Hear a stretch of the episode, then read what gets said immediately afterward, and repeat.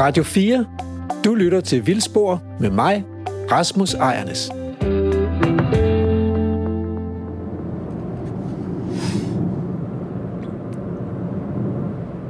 Velkommen til Vildspor på Radio 4.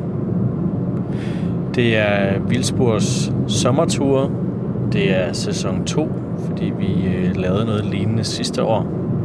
Mit navn er Andrew, jeg er producer på programmet, men øh, blander mig altså lidt mere i den her sommertur. Og øh, ved min side, der sidder Rasmus Ejernes, fast vært på programmet. Og øh, vi er kommet til afsnit 2 her i den her sommertur.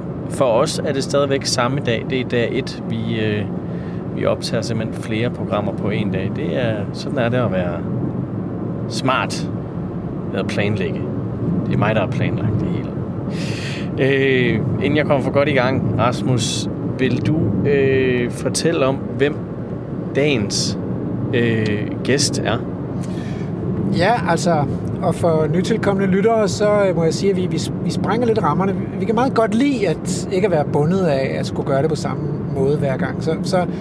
så den her sommertur, den, der møder vi kunstnere. Altså øh, sidste år, der tog vi ud og mødte biologer og folk med forstand på natur og sådan noget. Det, I år har vi valgt at invitere os selv på besøg hjemme hos danske kunstnere. Og i den her uge, der er det altså øh, forfatter Charlotte Weitze. Så vi er på vej til Charlotte Weitzes bopæl, og hvor vi skal møde hende. Og hvorfor gør vi så det? Altså, og hvad har det med natur at gøre? Jamen, det er jo, det er jo fordi, programmet Vildspor handler jo om natur, men også om mennesker, og om menneskers relationer og forhold til natur. Og Charlotte Weitzes seneste bog, Rosarium, udforsker netop den her relation. Altså, kan mennesker og natur smelte sammen? Øh, kan naturen tage tage hævn over mennesker, altså efter vi har domineret den, lige siden vi, øh, vi kom på banen på planeten Jorden.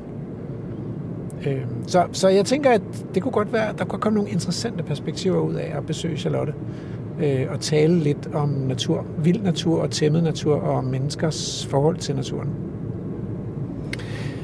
Jeg synes i hvert fald, det lyder vanvittigt spændende, og jeg har jo i tidligere... Vi skal til venstre om lidt. Øh, I tidligere programmer har jeg jo snakket lidt om min fascination af zombier. Og der er jo, øh, i, der er jo i et bestemt zombie-univers... Yes. Øh, I et bestemt zombie-univers, der hedder The Last of Us, hvor det simpelthen er svampesporer, der overtager øh, menneskerne og gør dem til zombier. Så det er jo ikke så langt fra det, du beskrev før. Det er, øh, det er rystende tæt på. Så, ja. så du skal få lov til at stille spørgsmål, synes jeg, til Charlotte. Ja. Om, øh, om hun er stødt på zombier, eller om der på en eller anden måde er en inspiration ja. fra zombie-universet her. Glæder jeg mig altså til. Øhm, vi er snart fremme, men jeg tænker, øh, lytterne kan lige få en lille bid af, af, af noget af soundtracket til til den, det er jo faktisk et computerspil, men det er et, et meget stemningsfyldt computerspil, og, og dermed også meget stemningsfyldt øh, soundtrack. Og så om lidt, så er vi fremme ved Charlotte Weitze.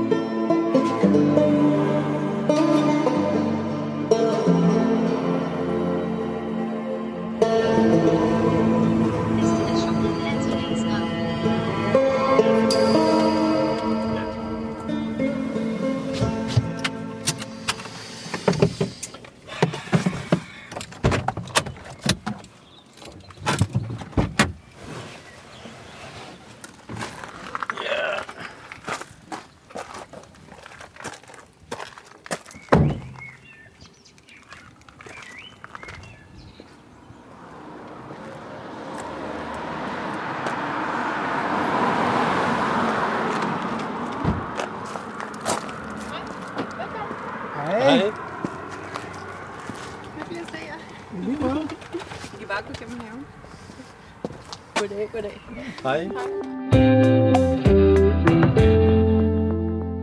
Betyder det, at vi gerne må sige noget på bånd? Det kører i hvert fald nu. Nå, jamen så vil jeg gerne sige til lytterne, at øh, nu er vi ankommet, øh, og vi sidder i Charlotte Weisses have omkring det runde bord og drikker kaffe, fordi vi blev simpelthen budt på kaffe. Tak fordi ja, vi må komme. Velkommen til, til Vallekilde. Og Vallekilde, altså der ligger også en højskole, der hedder Vallekilde Højskole. Har du nogen relation til den? Oh, jeg har undervist lidt en gang imellem, og sammen med min mand har vi haft sådan nogle sommerkurser. Eventyrkurser kalder vi dem for familier. Så det er sådan lidt on and off. Men det var faktisk derfor, vi flyttede herud. Det var fordi, jeg havde undervist lidt derude, og så ville vi gerne flytte uden for byen. Og vi troede ikke, vi skulle flytte så langt væk fra København. Men øh, der bor så mange rare mennesker her, så det er derfor, vi besluttede os til, at det skulle være lige her. Og kan du ikke sige lidt om, hvor er vi i... Altså, det er langt væk fra København, men hvorhen? Ah, det er kun en time fra København, altså sådan vestpå, Vestjylland. Og øh, det, ja, nogen kender jo det der sommerhusområde, Danmarks største sommerhusområde, der ligger herude ved Sejrøbugten, for Vejle og Asnes. Så det er tæt på det. Mm. Men altså, vi skal jo tale om natur. Mm. Og øh, altså, en af grunden til, at vi er her, det ligger på bordet her. Din ja. seneste bog, Rosarium. Ja. Fordi øh, øh, den fik jeg i hånden, og så tænker jeg, den ser spændende ud. Så den har jeg, altså, den har jeg læst, og, øh, og der kommer man jo ind i naturen. Øhm, og man kommer også lidt ind i menneske, menneskets krænkelkår. Pludselig ved man ikke, om man er i naturen, eller om man er i mennesket.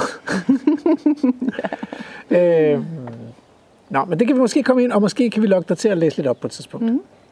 Øhm, men ellers så har vi jo en aftale om, at øh, nu har vi god tid, og vi skal se lidt på din natur.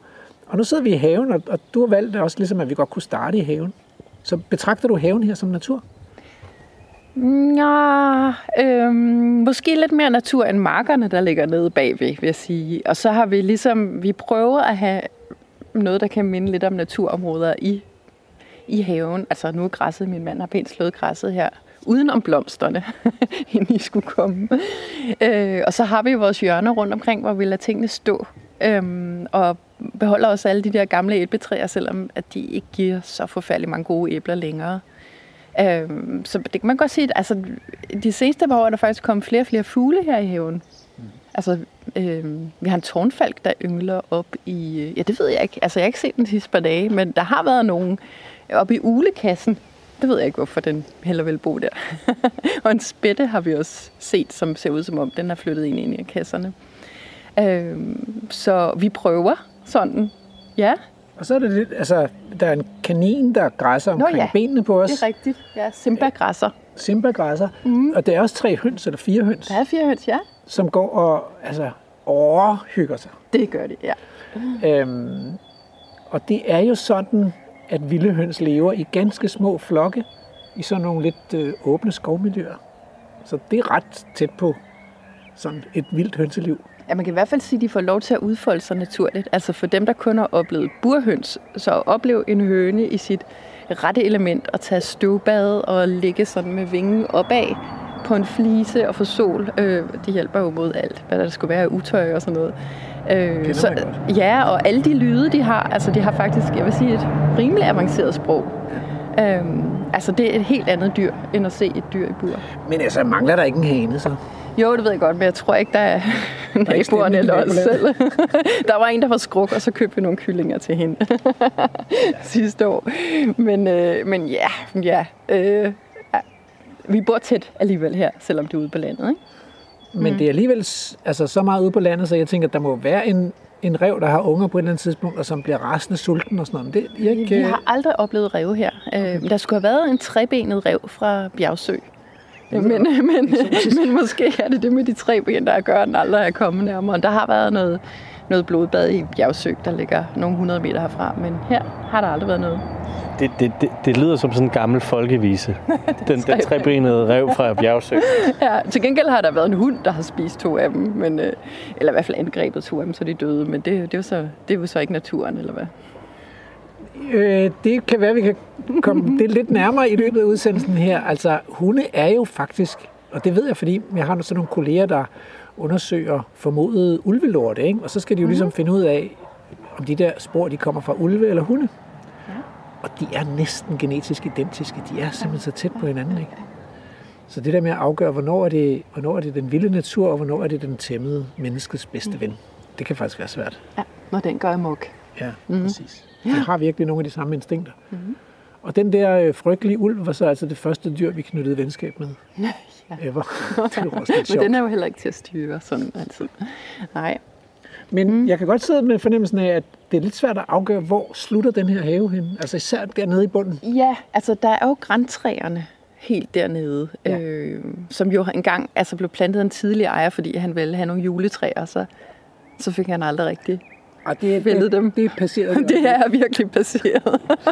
så det, det kalder vi skoven dernede. Øh, Det lyder lidt eksotisk. Altså, der, er- der er også nogle ting, der er kommet sig selv. En røn og noget hyld og lidt forskelligt, der bare vokser dernede. Det, det, havde vi ikke, det skygger godt nok for en af naboerne, men jeg havde ikke tænkt os at fælde det, fordi nu bor øh, der er en masse op i... Øh, af fugle oppe i, i, i toppen af træerne. Og så er der, havde vi en anden nabo, der nu er flyttet, der mente, der boede trolde dernede, øh, som var klaverjant. Så nu, nu tør vi slet ikke Men det går da ikke. Nej, det gør det ikke, og jeg har stået og kigget. Jeg kan ikke se noget som helst, men altså, man kan jo ikke vide. Man skal have blik for det Nej, måske. nej. Jeg Nej. tror altså, jo ældre de der træer bliver, jo bedre chancer er der for hekser og trolde. Ikke? Ja, ja Hvis de, især hvis de bliver hule. ja, det var også det, hun sagde. Altså, jo, jo længere tid noget står, jo større sandsynlighed er der for elementarvæsener.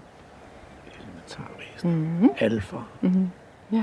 Så det lader vi stå. Det er også det lidt uhyggelige hjørne dernede, det mørke hjørne, der hvor børnene ikke rigtig tør gå ned, når de skal lukke for hønsene om aftenen om vinteren. Det er godt Ja. at have sådan et, Ja. ja. er det ikke det altså? Jo. Og at man lige får, kan Det mærke den der. dejligt. Ja, og så- Åh, det er sådan lidt. Og der er en sti igennem, den går jeg tit af, når jeg er ude på løbetur. Så det er nærmest sådan en lille skovsti, man kommer ind af igennem haven. Øh, og så føles det helt som at være i en anden verden. Og nede bagerst, der ligger jo den store kompostbunke med alle grenene og hønselort, og jeg ved ikke hvad, der ligger dernede. Og så står der en, en, en bænk til sidst for udsigtens skyld. Så der stopper det. Så man kommer ud i det åbne land. Ja, ja, der ligger marker her på den anden side, så vi kan også høre lærken og Mm. ja, at se musvågen og sådan. Dejligt. Ja, Og så, og så er der blomster. ja Rigtig dejligt mange blomster. Et ja. stort, vi, vi sidder lige ved siden af et stort bed, der er knopurter, der er blomstrende tulipaner. Det, er det ikke for, altså det, de skulle da være forbi for længe siden. Tulipaner Nå, om det har, har det ikke været et meget koldt forår. Jeg tror, det det, har været sådan, ja. Men alt det her, det her bed, det er jo sjovt, altså, fordi at man overtager jo, nu flyttede vi ind her i 2000, slutningen af 2006, og der overtog vi jo haven fra et gammelt ægtepar, der havde luet og luet og luet og luet, og der var ingen skvallerkål overhovedet. Og det er jo dem, der har plantet alt det er her. Altså, så der er meget, vi overhovedet ikke selv øh, man kan sige, er herre over, men det er den tidligere ejer, der har ordnet det. Og jeg har set gamle luftfotos fra huset fra hvad er det, 40'erne, 50'erne, øh, hvor jeg kan se, at nogle af træerne også stod der dengang. Så det er jo, på mange måder er det jo det er en have, der ikke kun er vores, men det, er jo også, øh, det går generationer tilbage, alt efter hvad man nu har folk tilbage har brugt den fra. Og det er faktisk nede ved hønsehuset. Der var, der var på et tidspunkt, min datter, som er rigtig glad for at ride, havde tabt som et smykke fra hestebladet Wendy her i haven. Og så fik jeg den lokale Øh, der er en, der er Robert, han, er, han går med detektor, og han skulle så finde øh, Wendy-smykket, men han fandt det aldrig, men til gengæld fandt han en middelaldermønt nede ved hønsehuset. så, så der har jo boet mennesker her rigtig, rigtig længe, og, og der er jo, altså, vi er jo også lidt omringet af gravhøje fra bronzealderen, så, så det er et sted, der altid har været mennesker. Eller i hvert fald langt tilbage. Men, og det er jo en anden slags mennesker end i bronzealderen øh, og i øh, middelalderen. Er der et eller andet særligt ved den tids mennesker, der er nu? ved den tids mennesker, der er nu. Oh, ja, hver tid har nok sine mennesker. Jeg kan se de der øh, luftfoto fra 50'erne. Der var jo, jeg tror, der var sådan en lille mink, øh, lille mink, minkhus, eller til mink så det ud som om. Øh, det var nogen, der hed dengang i hvert fald. Ja, og der var meget mere køkkenhave. Øh, ja, end vi egentlig har nu. Nu har vi valgt ikke at have så meget. Øh, men jeg kunne se, at der er mange flere æbletræer og frugttræer, så jeg tror måske også, at den tids mennesker så har dyrket haven mere som, som et sted, hvor man fandt sin mad. Øh, så hver tid har jo haft sine. Ja, det ved jeg ikke. Altså, altså, du nævnte det var- også øh, skvallerkål, altså er der så kommet Ja, skvallerkål? ja, det er der. Vi kæmper lidt. Vi prøver at holde det ene bede fri fra skvallerkål. Det der, der er ikke kommet noget nu. Der er vi sådan, vi har slået græs imellem, så der ikke sker noget. Men, men, øh, men det er jo en evig kamp, og nogle steder vil bare lade det være. Så måske er det også vores tids mennesker også nogle mennesker, som ikke kæmper så meget med naturen, altså eller mod naturen. Det er det jo sådan set mest mod. Åh, oh, det synes jeg da nok, der er rigtig mange, der gør. Nu kan vi lige høre en, tror jeg, der slår græs her i baggrunden. Der bliver slået nogle kanter og noget. Ja. Der bliver kæmpet hårdt her. Øh, men, men Vallekilde er også lidt en oase i forhold til det. Jeg tror, der, der bor mange sådan 68'ere og sådan noget i byen, som er lidt mere loose i forhold til, hvor pænt det og tæt slået det skal være. Så øh, mindre her, men når man kører en tur i området, er der jo, der kører de der øh, automatiske plæneklipper, som bare slår græs ja. konstant. Ikke? Ja. Øhm, og så, man, så, ja, så, så er det ikke så hårdt at kæmpe mod naturen, kan man sige. Der bærer der også helt lidt man kan sige, sprøjtemidler ud, hist og pist, tror jeg. Men, det gør det også lidt lettere. Ja, det gør det. Okay, ja, jeg troede lige, øh, men altså, man kan godt finde spor af håb øh, rundt omkring. Ja. Det larmer lidt meget det der. Skal vi lige tage en lille, lille pause og så måske gå en tur? Ja, man kunne godt stikke af fra den der blændeklipper. Skal vi gå ned gennem skoven? Det, det, det, det, vi skal. Det synes ja. jeg, ja. Ja, måske lige ned og se marken først. Skal vi det? Ja, okay. Du lytter til Radio 4.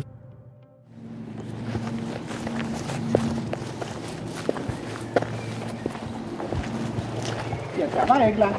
Der var ikke langt. Men det kan godt føles sådan. Det er sådan en lille klat skov.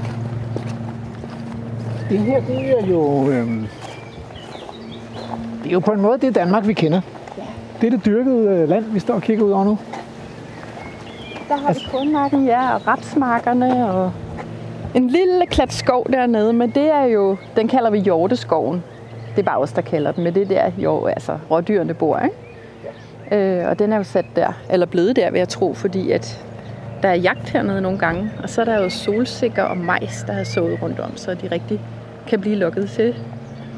Øh, og så indimellem nogle tidlige morgen, så kommer der nogle jæger hernede og ser, om de kan få fat i noget. Så afdriver de såten. Det hedder en såt. Sådan, ja, sådan ja. en, som man ligesom øh, sammen sender hundene ind i, og så driver de dyrene igennem, og så står jægerne ude på den anden side. Ikke? Ja. Så, sådan en såt. Så har man sådan øh, på sådan en jagt, en, en, en søndag på sådan en jagtdag, så har man 10 såter, man så går igennem på den der måde. Det er måske ikke lige den helt store dag for dyrelivet, men... Nej, vi sidder ja. deroppe i soveværelsesvinduet og hæpper på rådyrene. Men altså hernede, det er jo Svindingevejle, så er det jo en del af den, hvad hedder det, inddæmmede og udtørrede Lammefjord. Nå, der har simpelthen været sådan ja. en fjordarm. Man ja. kan godt sådan fornemme det nede i bunden, at der er meget fladt. Ja, Fordi heroppe er der jo ikke. Der, der tæller terrænet. Ja. Og når man går derned, altså på den mark, dernede, helt dernede, der ja. er jo, når man går der, er der jo sand, og der er skaller, muslingeskaller, østerskaller, blåmuslingeskaller, ah. som har ligget dernede i, hvad er det, 100 år siden, man inddæmmede Øh, og lang, længere ude. Jeg troede faktisk, det var vand, der blev. Der står rigtig meget vand nede på de marker om vinteren, men jeg troede også, det var vand dernede. Men det må være noget plastik, der er lagt ud. Det blaffer lidt i vinden. Ja, det kan være kartofler. Eller ja. Vi har også store områder herude med jordbærmarker med, ja. med plastik henover. Jeg kan ikke lade være med lige at lukke øjnene og så tænke, nu åbner jeg dem igen, og så er fjorden der. Ja, var der ikke noget med regeringens øh, planer om at udlægning af, af områder? Kunne det ikke være sådan et sted? Det kunne det, altså. Det, altså, udenbart så tænker jeg, hold det op, hvor ville det forandre landskabet, hvis der kom sådan en, var sådan en naturlig fjordarm, der gik ind her, ja, ikke? Ja. Men, øh, men det, det vil jo koste nogle landbrugsjord, og de skal jo de bliver jo dyrket i dag, ikke? og de skal jo mm. købes ud, købes fri, og der skal betales erstatning og sådan noget. Så det er jo ikke det, det, er jo ikke det billigste sted at lægge natur ud. Nej, og nu er der også en af bønderne dernede, der har købt øh, sådan et kæmpestort bælteagtigt køretøj, så man nemmere og lettere kan køre dernede, hvor der er meget vådt. Men den er nok dyr. Den skal lige forrentes. Det kommer til at tage lidt tid. Ja. Så det kunne være ret, det var sket inden da. Altså, øh, man taler jo om at tage lavbundsjord, kulstofrige lavbundsjord ud af drift. Mm-hmm. Jeg ved ikke, hvor kulstofrige de her er, eller man har fået fyret alt, brændt alt kulstoffet af, men man kunne jo godt forestille sig sådan en udtørret fjord der, der lå nogle, stadigvæk noget kulstof i jorden. Ikke? Ja, jamen det, det er Lammefjorden jo kendt for, at der skulle være meget der. Ja, meget organisk. Ja. ja. Dyrkningsjord. Ja. Så, det er lækkert at dyrke i, men det er ikke så godt for klimaet, fordi at det der kulstof ryger op i atmosfæren. Ja. Så oplagt dernede. Men det er altså højskolen, der ligger nogle 100 meter herfra, den, der siger man jo, at materialet blev sejlet dertil. Det er så vildt. Det må nok have været nogle pramme, tror jeg, fordi så dybt har der nok ikke været. Men øh, Men Odsherred var jo næsten afsnøret Ja, for resten af ja, Sjælland af ja, den der ja. kæmpe store lammefjord. Det var næsten en kæmpe stor ø, og så var der bare lige det sted ved Dragsholm Slot. Det var derfor, det blev lagt der, hvor man sådan lige kunne komme over. Så er der styr på, hvem der kommer ind og hvem der kommer ud. Ja, Ja. det er godt, hvis man skal holde styr på sine undersøtter og besiddelser. Men altså, hvad tænker du, når du kigger ud over det her dyrkede øh, landskab? Tænker du, åh, oh, det er det Danmark, jeg kender. Det er sådan nogle firkanter, de gule og grønne og brune. Ja, altså på den her årstid er der jo et eller andet helt særligt ved, når rapsmarkerne kommer her, ikke? Altså, som, der var ikke så mange, da jeg var barn. Der tror jeg at måske også kaldte man dem sinopsmarker dengang. Jeg ved ikke, om det var raps. Altså, det er jo, det er jo korsblomstret, både Okay, sennep og raps. Det er same thing. jeg bliver da svar skyldig, hvad det var, man dyrkede dengang. Ja. Men det er nyt, det er rigtigt nok. Ja, altså der er jo mange fra København, der falder helt i svime, når de kommer ud her og kan se den her udsigt, der er. Man kan se enormt langt. Ja, og der er jo mørkt om natten. Altså vi kan ligge op i soveværelset og se på stjerner, for der er ikke noget lys herude, andet end hvis vi havde haft lys længere henne, så havde vi kunne se ned på den nye betonfabrik i Svindinge. Der er altid lys.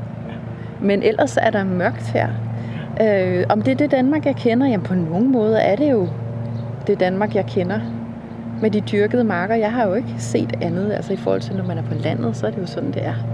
Øhm, så ja, øh, så, men det kunne da være dejligt, hvis der skete noget dernede. Øhm, Der ligger, øh, der ligger sådan, der er sådan en skov, der vælver sig derovre. Ja, er det ja. sådan et bakke, en, en bakketop med skov på? Ja, den kalder vi Løvskov. Reveskov. Der, skulle, der har vist været en masse revegrav derovre. Men øh, det er jo, trebenede er trebenede, det var den fra Bjergsø. men, men det er jo der, at landskabet ligesom, man kan sige, bliver højere. Ikke? Det er jo, Jo. der, at der har jo sikkert længere tilbage, jeg ved ikke i bronzealderen, hvordan det har set ud, så har der jo været en, en, en bred heroppe, ikke? fordi landskabet bliver højere heroppe af. Så der, det har nok været, altså hvis man graver, vi har sådan en pumpe, der er nede i vores kælder, fordi vi gravede en, øh, en ekstra kældertrappe ned, og så pludselig kom der vand ind, så grundvandet ligger utrolig lavt. Så jeg tror, at der har været søbund meget højere op.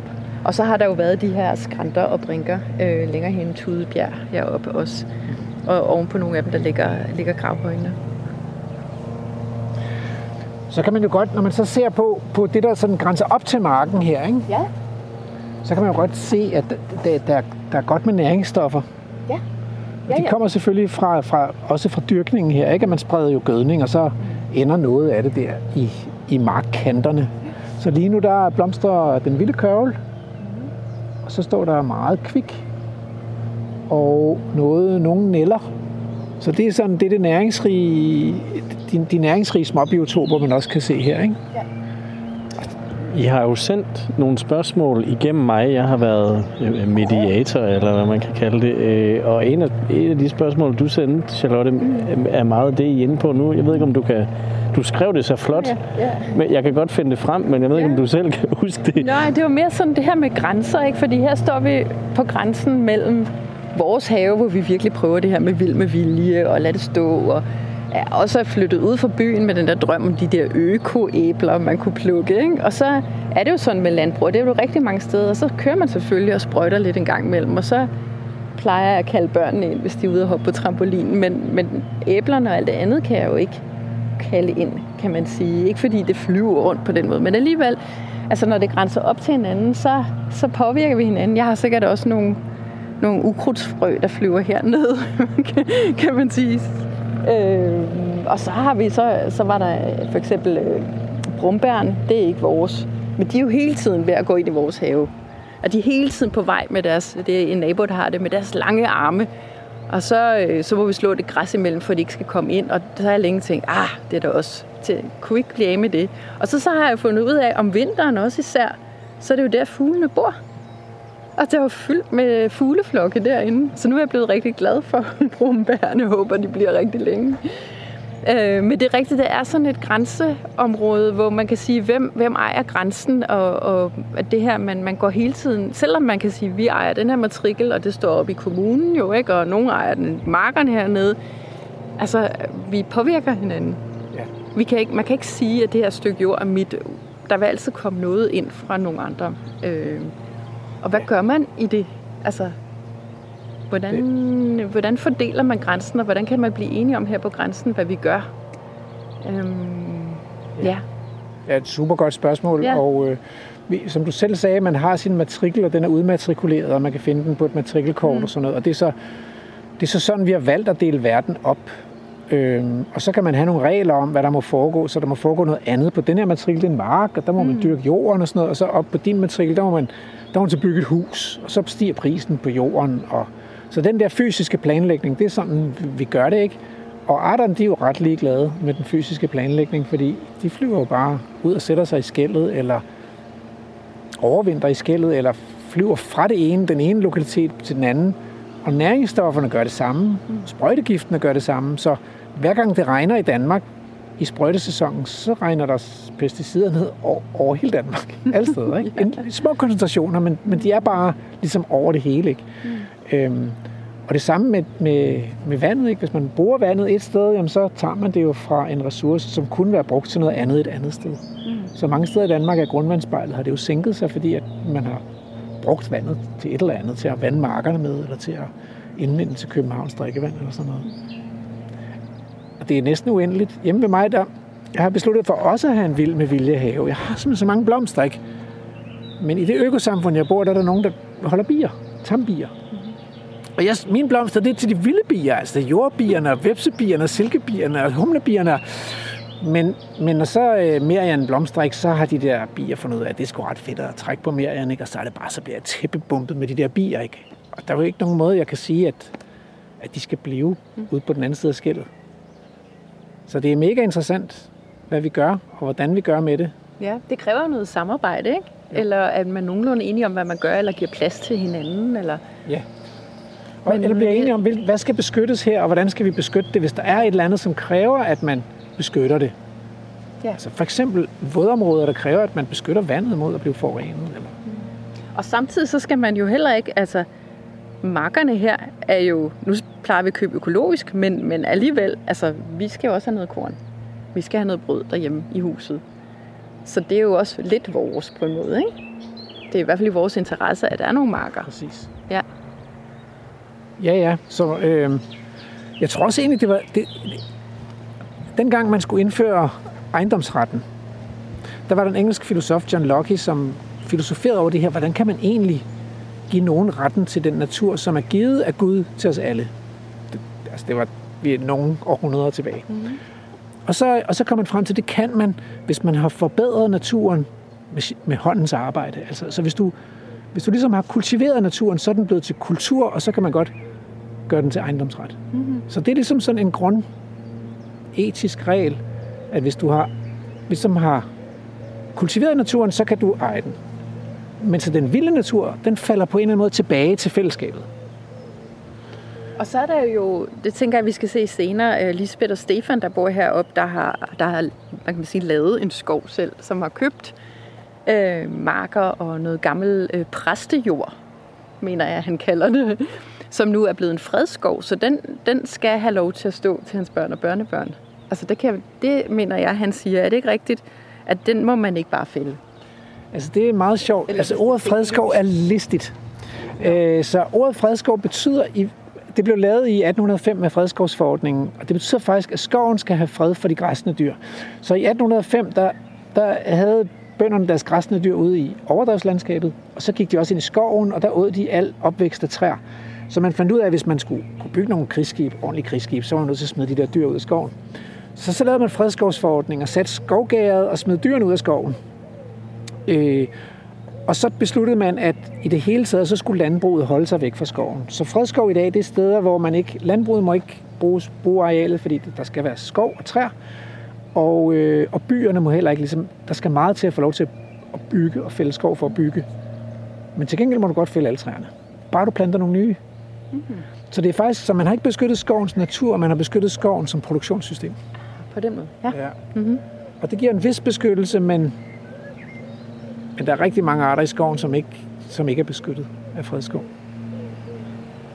Men, men hvis man nu gerne vil sikre, at der ikke i fremtiden bliver byudvikling et sted, eller at landbruget ikke, at det ikke bliver dyrket intensivt med sprøjtegifter og sådan noget, så er fredskov en meget god måde at få det sådan lidt reserveret til, til noget andet. Det er jo et enormt smukt ord, altså fredskov. Ja, ja, det det er simpelthen både, der er fredeligt, og skoven er fredet, og, øh, men det er også lidt snyd. Ja. Så urørt skov, så, der, der må man ikke ligesom, øh, hvad kan man sige, bruge skoven kommercielt og, og tage skovens træ og sådan noget ud og fælde træerne og sådan noget. Så det er det, det, er det bedste for naturen. Og ja, hernede for enden af, der, der, der bor øh, en af vores naboer, Betty, som er en lidt ældre dame, og hun siger, åh, jeg kan ikke overskue hele haven. Og, øh, og så lader hun meget af det stå, og det er faktisk super godt. Altså, du kan se det her krat herinde med alle de, der er også nogle kroge træer med huler i. Øh, der er samtidig nattergal hernede nogle år. Åh, Ja. den savner jeg, fordi det var der også, da jeg voksede op på Stævns. Ja. Men jeg hører den aldrig i Østjylland, stort Den set. hører du nok nede hos øh, Lisbeth og Stefan i, i skoven dernede. Men, øh, men det har jeg også snakket med hende om, at det her med, at det er ligesom, når man bliver ældre, hvis man ligesom tør lade det stå, ikke? Jo. så er det som om, man giver det tilbage til naturen. Og det med at opgive og holde det rigtig pænt med alderen, det er faktisk super godt for, for dyrene. Det er enormt Ja. godt. Altså, så jeg synes jo også, hvis, hvis, man, hvis man kan pege på noget håbefuldt i vores tid, så er det, at der er flere og flere, der er dogne. Og der er flere og flere unge, der vokser op uden at have lært at luge. Uden at have prøvet at luge i deres hele liv. Ikke? Øh, og det, det lover jo godt.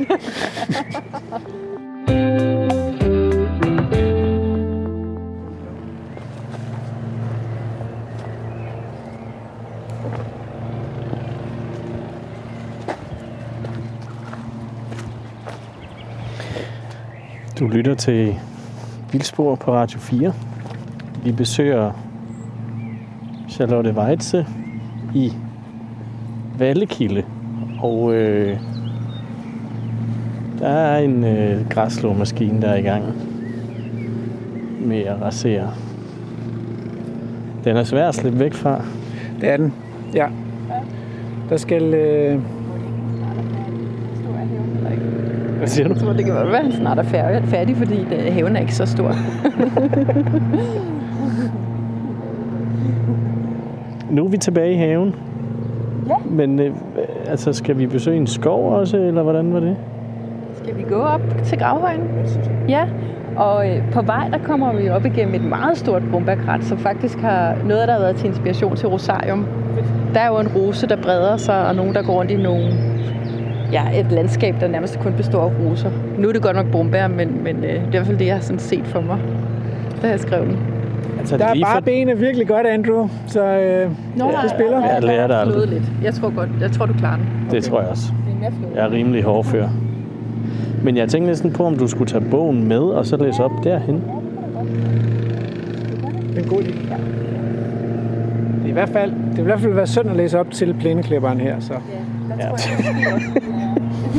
et stykke væk.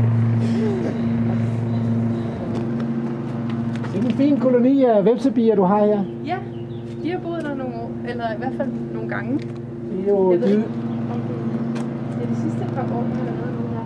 de er, øhm, det, det er en snylter på den bi, der har gravet hullerne her. Så, så de der bier, der ligner, øh, som, som ligner vepse lidt, som har sådan nogle Ja. striber på, ligesom vepse, det er vepsebier. Og de er, se en gang?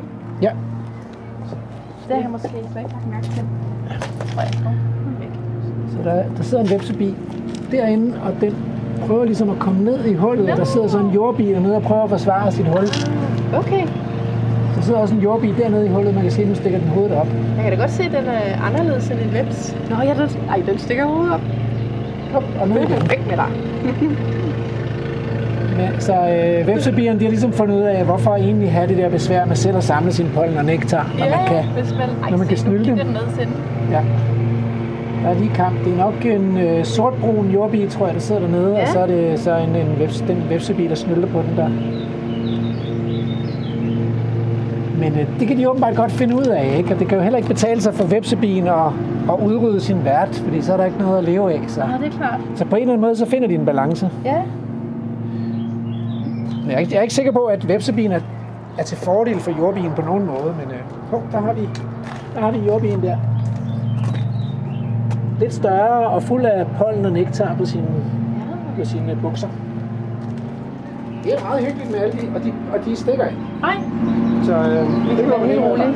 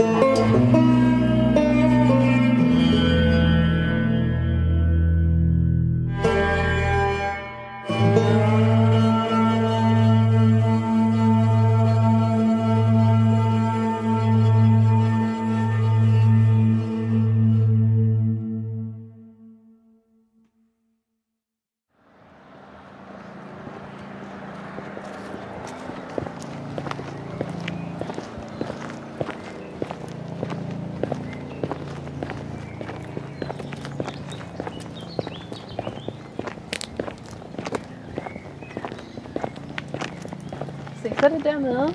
Der går en sti op til højre dernede. Ja. Det er det sidste hus. Og vi kunne hjælpe mig forbi en til at lukke os. Det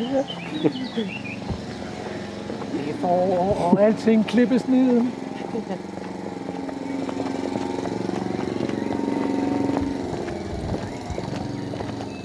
Og det her, det er jo en af de rigtig flinke landmænd, der bor her. Der må man nemlig godt ride med, med hest ud på den mark der. Det er ikke alle steder, man må det. Der er jo sådan virkelig sådan nogle regler herude på landet, fandt vi ud af, det vi flyttede ud, hvem der vil have heste ridende, og hvem der ikke vil have dem. Også selvom det er bare en drakmark. Og når jeg, så går vi op, altså der kom der en gravhøj heroppe for enden, og den var jo ved at blive øh, ødelagt. Der var en landmand, der, altså det er mange år siden nu, ikke, som lige vil pløjte lidt væk. Og så, og så skete der jo det, at højskolen var jo startet hernede, og der gik man meget op i at bevare ting for oldtiden. Så der blev samlet penge ind til landmanden, og til at man kunne genoprette højen. Så den ser lidt anderledes ud end de fleste gravhøje. Den ser utrolig perfekt og fin ud, men det er jo fordi, den ligesom er blevet genoprettet af glade højskoleelever. Som den, som, som den så ud, før den blev plyndret, eller? Ja, det, det ved jeg. Nej, ikke helt. Pænere faktisk. Okay. Ja. Så der har været mange spændinger herude mellem højskolefolkene og dem, der altid har boet her. Men hvad man ligesom vil med landskabet. Nej, hvor dufter var det er der numser nu. Ja. Åh, det er sådan, man ved ikke helt, om det er sådan, det er jo ikke, den dufter jo ikke sådan Super af hyacinter, vel? Den, det, lidt, det er kraftigt, lidt som, øh, lidt ligesom hvidtjørn. Sådan lidt hæftig, lidt bedøvende duft. En blanding af, af ådsler og blomster. Men det her, det er jo et stykke af Lisbeth og Stefans område, som jo er sådan en, kan man sige, øh, fredskov, men også et sted, hvor de går på jagt. Så det er en skovrejsning, vi går i. Ja, det er det. Og en varieret skovrejsning, ikke? Det er jo ikke sådan en kedelig en, hvor man bare planter en masse træer på række, men faktisk ser ud til at være mange forskellige træer. Det er der. Også længere hen, den er jo meget større end det her. Her er det jo så lige mest brumbær, der er herude til stien, som vokser hen over med jævne mellemrum. Ja. Man siger, det er umuligt for mennesker at gå derind. ja. Og det er jo en del af fidusen med nogle af de bevoksninger, der bliver lavet også. Også for vildtet, det er, at de bliver så, så tætte, at der er skjul for, for dyrene derinde. Og en fin, fin nok funktion, sådan set. Men jeg kan sådan set godt se, at det der kunne være en fin reference til, at hvis man skal derind og finde et eller andet, Ja, så er man lidt på spanden, ikke? ja. Og det kunne også ligne et tornekrat Ja, ja fra meget. Rosarium. Ja, præcis. Der, er- der breder den sig ud over det hele sådan voldsomt. Altså, det er jo nærmest, man kan, man kan jo ikke se hele brumbæren bevæge sig, men det, jo- det går så hurtigt. Man kan godt forestille sig, at at- man kommer til at hænge fast derinde, hvis man forsøger at Ja. bryde igennem det. Ja, det er umuligt at komme derind. Det er et udmærket billede. Mm. Det skulle jeg have haft på nethinden, inden jeg læste det. Nu det det. levende frem for mig. Ja. Men altså, det, det, det, det er en ret vild historie, øh, du har skrevet, øhm, som jo virkelig sådan, giver sådan en snigende følelse af kontroltab, tror jeg. I hvert fald, da jeg læste den. godt være. Ja, i hvert fald naturen tager over. Ja. Ja, naturen tager i den Ja. grad over, ikke? Ja. Og nogen opdør det før andre Mm-hmm. i historien. Ja. Øh, og Johanne, Johanne Johannes har, har, er jo er også fascineret af det, altså videnskabeligt fascineret af det, mm. og, og, og skubber næsten på det. ja. Måske sker der også noget med noget gensplejsning til sidst. Det ved man ikke helt. Nej. Men i hvert fald noget med udvælgelse af gener. Og ja, øhm, det gør hun, ja. Det er jo også det eneste sted i verden, hun føler sig tilpas. Så. Ja. Så nu er vi kommet op. Nu er der sådan lidt mere åbent heroppe, ikke? Med noget Wow, Og det sker meget. Så- Pludselig udsigten er fordoblet. Ja, og nu kan man se ud, udsigten ned til, ej, ikke helt vores hus, men det er lige ved, og, og Svindinge Vejle dernede. Ja, Og en radiomast. ja det er Jyderup-senderen, der ligger i Mørkøv. Ja. Den kan vi lige se blinke om natten. ja. Og så kommer vi op i sådan et åbent landskab her med brakmarker. Hvor, er det, er det lagt ud til sådan, bare sådan åbent øh, fri succession, eller hvad skal der Det ske er, her? det er en del af Stefan og Lisbeths område her. Ja. Ja, øh, men jeg, øh, som de også et, et område, de har købt, ikke? Øh, men jeg, jeg ved ikke, om der skal ske noget. Altså, det har set sådan her ud al den tid, jeg har boet herude i.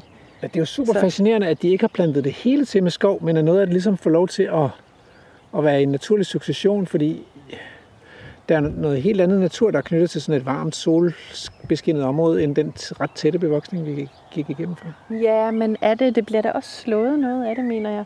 Ja, det må det jo blive, ikke? Men det er jo vel også, altså når det også bliver brugt til jagt, så skal der jo også være udsyn.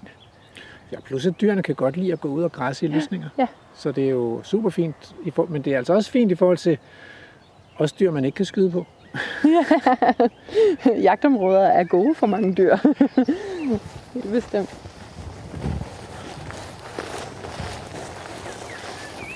Og så kan man jo rigtig se gravhøjen heroppe, ikke? Oh, ja, Ja, med blomstrende tjærenælge, tror jeg. mm, den hedder Barnehøj. Det er blomstrende tjærenælger. Jeg har altid tænkt over, hvad det var. De, tror de kommer hvert år, og de er sådan lidt klistret i det. Og så er det Og lilla. Ja. Ja. Man kan godt se, at den er meget pæn, ikke? Og den er helt flad ovenpå. Så det er højskoleeleverne, de kom jo der med deres skovle og spader og, og, og genoprettede den. Som nærmest sådan et form for manifest. Der er et billede længere nede på sådan et skilt, hvor der er et billede af dem, hvor de står med alle. Og de har ikke begravet en forstander derinde. Nej, det håber jeg ikke. Jeg ved heller ikke, om man har fundet noget derinde. Hvad er det for et træ, der står på, Rasmus? Det er en øh, sælgerøn. Ja. Øhm, ja, så vi har almindelig røn og sælgerøn i Danmark. Øh, jeg tror egentlig, at sælgerøn er vist mest på Bornholm. Øh, men, øh, men man bruger den også til at plante den i Danmark. Og den er god nok. Det er jo tjærenellike, som er sådan en, øh, ja, en nellike, en ly- lyserød nellike, og hvis man mærker på stænglen af den, så kommer man ligesom før bladfæsterne, så kommer der sådan et meget klistret område. Mm. Og må ikke det er for, at, at dyr, der ligesom vil snyde sig til at komme op til blomsten, og, eller frøene og æde, øh, at de ligesom hænger fast der i, i tjæren, så ikke kommer længere. Jeg ved det ikke. Bladlus, myrer, et eller andet. Jeg går ud fra, at det er noget beskyttelse, ellers ved jeg ikke, hvorfor den skulle lave det.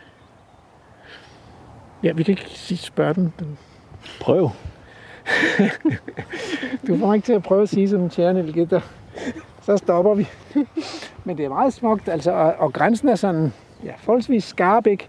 Så tjernelgen, den, den tilhører det der, den der overdrevs- eller græslandsnatur, som er knyttet til næringsfattige og tørre steder.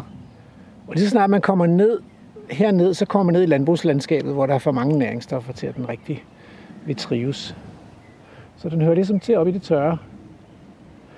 Sammen med sådan lidt en, en, en satan, nemlig drabhavren. Den der græs, som sådan ligesom skinner lidt, som også ligesom er meget almindelig i vores vejkanter, den, øh, den, den trives meget med det ugræssede landskab. Og det er jo det, vi har fået, efter vi har sagt farvel til de der græsne dyr i vores landskab. Øh, som de, de står inde på stallen og får noget kraftfoder og sådan noget, og så går de ud på en kløvergræsmark, men de er ikke længere ude i landskabet så er drabhaveren en af de arter, der tager over sammen med kørvelen, som står hernede, som godt kan lide at få fred til at folde sig, folde sig ud i al deres magt. Skal vi øh, forsere gravhøjen? Det er det bedste sted her. Vi kan godt se, om der er lidt læge, eller... Altså, der er jo... Hvis der kunne være lidt læge, så var det ville det være et godt sted at læse. Ej, der kommer også meget gul, øh, gyldenris her. Mm, smuk gul og almindelig syre. Der er mange fine overdriftsplanter her.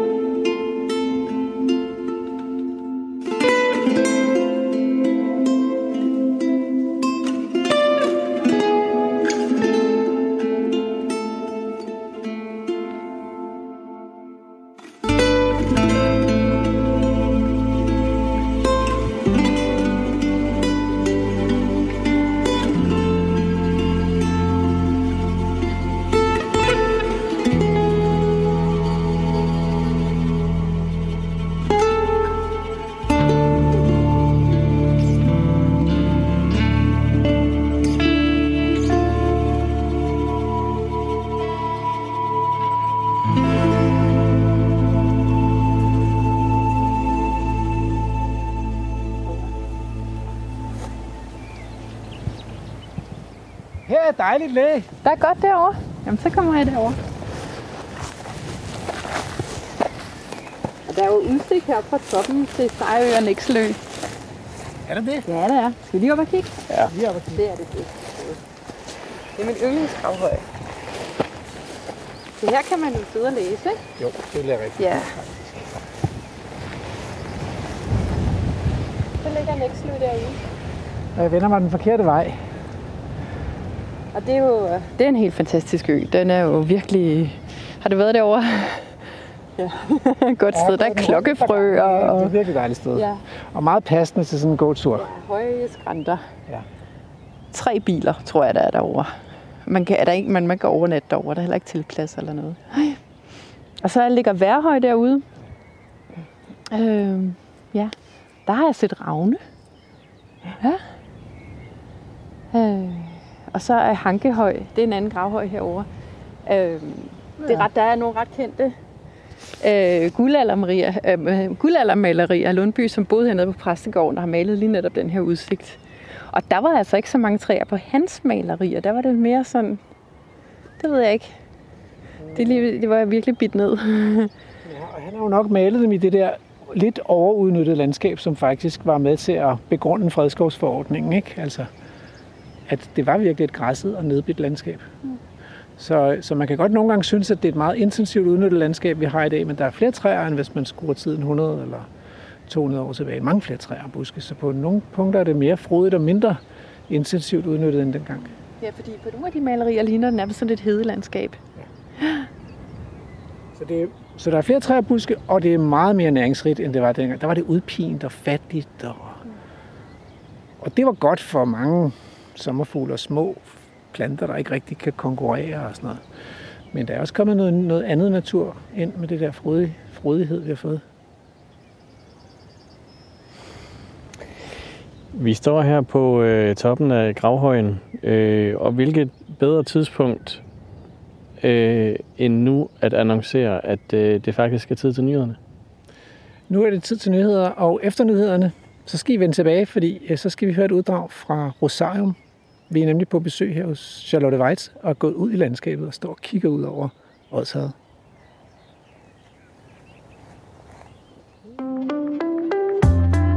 Radio 4.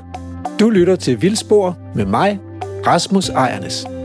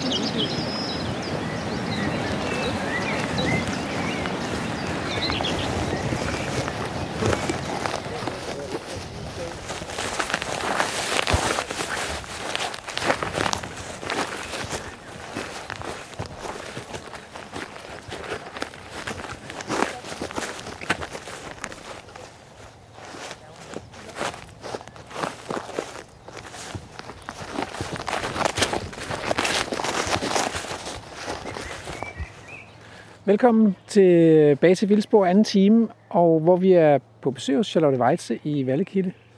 Og øh, vi, øh, vi, vi flygtede faktisk fra et par plæneklipper nede i byen. Øh, det er jo øh, forår, det er maj måned, det har regnet hele maj, men nu skinner solen, så græsset det vælter frem.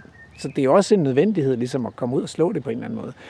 Men vi flygtede fra larmen og gået op i bakkerne, og vi har siddet op på, stået på en gravhøj og kigget ud over landskabet, kigget helt til Nækslø. Øhm, en gravhøj med blomstrende tjernelike. Og nu, nu er vi gået ned igen i skovrejsningen her, som er groet til i et vist omfang, i hvert fald her langs med stien, med brumbær. Stride store brumbærranker, som vokser sig over mandshøjde, og som lægger sig ind over stien, og på en eller anden måde, øh, man kan godt tænke, og det går altså stærkt, ikke? de kan jo vokse flere meter i løbet af sådan, altså mange meter i løbet af sådan et år der. Så den her fornemmelse af, at Brumberg kan tage det hele, Jeg ved ikke, om det var det, der var inspiration til Lotte, men altså, du har jo skrevet en bog, der hedder Rosarium. Og roser og brumbær er jo i familie med hinanden, og de har også de der tårne. Så er, er der, altså... Og man kan ikke komme ind i det der vel, uden at rive sig til blods. nej. Altså, vil du, kan jeg lokke dig til at læse op fra Rosarium? Det kan du godt, men det kan jeg lige skal fortælle en lille smule først. Skal Ja, jeg ikke det? gerne. Ja. Altså, fordi at det er sådan en rose, der ligesom, det er en, det er en roman, der går over 100 år, hvor man følger sådan en menneskeslægt, hvor alle har en eller anden forbindelse til rosen, der sådan breder sig umærkeligt. Og til sidst, så, så løber det virkelig løbsk, og den breder sig til alle kontinenter. Og der, er- der er også nogen, der sådan går i symbiose med, altså genetisk. Det ved jeg ikke, om man kan, men det er noget, jeg har digtet ind. Det kan være, jeg skal spørge dig bagefter, mm. om man kan det. Ja. Det kan jeg også se. Men noget må jo ligesom være øh, fri fantasi lidt, ikke? Klart. Ja. Så, øh, så jeg, jeg går jo ofte den her tur op til Gravhøjen, og har, det er lidt sådan en tunnel, man går ind i, og nogle gange så river man sig lidt, fordi det vokser henover. Så til sidst i romanen er der en person, hun lever, hun lever i nutiden, hun kunne være på alder med et af mine børn, men man hører også lidt om sådan nogle fremtidsdrømme, hun har, som man, hvor man ikke rigtig ved, om det er bare noget, hun drømmer, eller det er noget, der kommer til at ske. Men det er ligesom gået lidt amok efter hendes, altså hendes oldemor, som er botaniker, har sendt hende nogle underlige vingummibamser. Så efter hun har spist dem, så går drømmen amok. Og øh, Fine, hun har altså noget, der minder om grønkorn i huden. Hun er simpelthen grøn. Altså opsigtsvækkende grøn. Ja. Mm. Ja, og der er ikke rigtig nogen læger, der helt ved, hvad det er for noget med hende. Øh, og hun er også sådan lidt ensom, altså fordi hun har nogle oplevelser med naturen, som hun ikke rigtig føler, hun kan dele med nogen andre. Og her, øh, øh, altså det er nærmest, nu spoiler vi jo lidt, og det er lidt til sidst i romanen, hvor hun er blevet voksen eller gammel, og så, og så lever hun i en verden, hvor der er en masse, der er som hende. Hun har fået børnebørn og oldebørn, og så går de rundt i den her fremtidsverden, der er lidt tidsløs. Og, øh, og øh, ja, og går hun rundt i et, et rosenkrat, der minder om det her. Skal jeg læse lidt? Mm. Mm-hmm. Fine går uden at blinke. Hun passerer små åbne pladser med fuldt sollys, hvor der stadig står nogle af de gamle træer. E, bøg, elm, fyr eller birk. Der er også de mindre planter, for eksempel padderokker, ulvefod og bregner, nærmest i miniatyrformat. Monrosen tager det hele med tiden, og vil hendes efterkommer, dyrene og de andre planter blive ved med at klare den. Nogle af insekterne har det fint, især de bestøvende, og så længe der er åbne pladser, vil planterne nok kunne klare sig. I de nordlige klippeegne skulle det være lettere at finde store lysninger, men lige her, hvor Fine befinder sig, er det blevet småt med dem. Selv behøver hun ikke så meget sollys mere, synes hun, men børnene, børnebørnene og oldebørnene siger, at hun er blevet tynd og bleg. Hun går for det meste alene. Sådan var det ikke før, da hun, der var hun altid sammen med familien. Måske tænker de, at hun er blevet sær. Men hun nyder faktisk ensomheden. Det er ikke som dengang hun var barn og ung og altid længtes efter selskab. Nu har hun levet så længe og set og oplevet så meget, som de andre bare har hørt om. De vil aldrig nogensinde forstå det, selvom hun virkelig har prøvet at fortælle og forklare og har vist dem alle de ruiner, hun kan finde. Fine kan godt lide at slå sig ned i nærheden af en ruin. Måske fordi hun selv voksede op i et hus. De andre kan godt lide at hvile ved steder, hvor der er klippehuler eller fordybninger.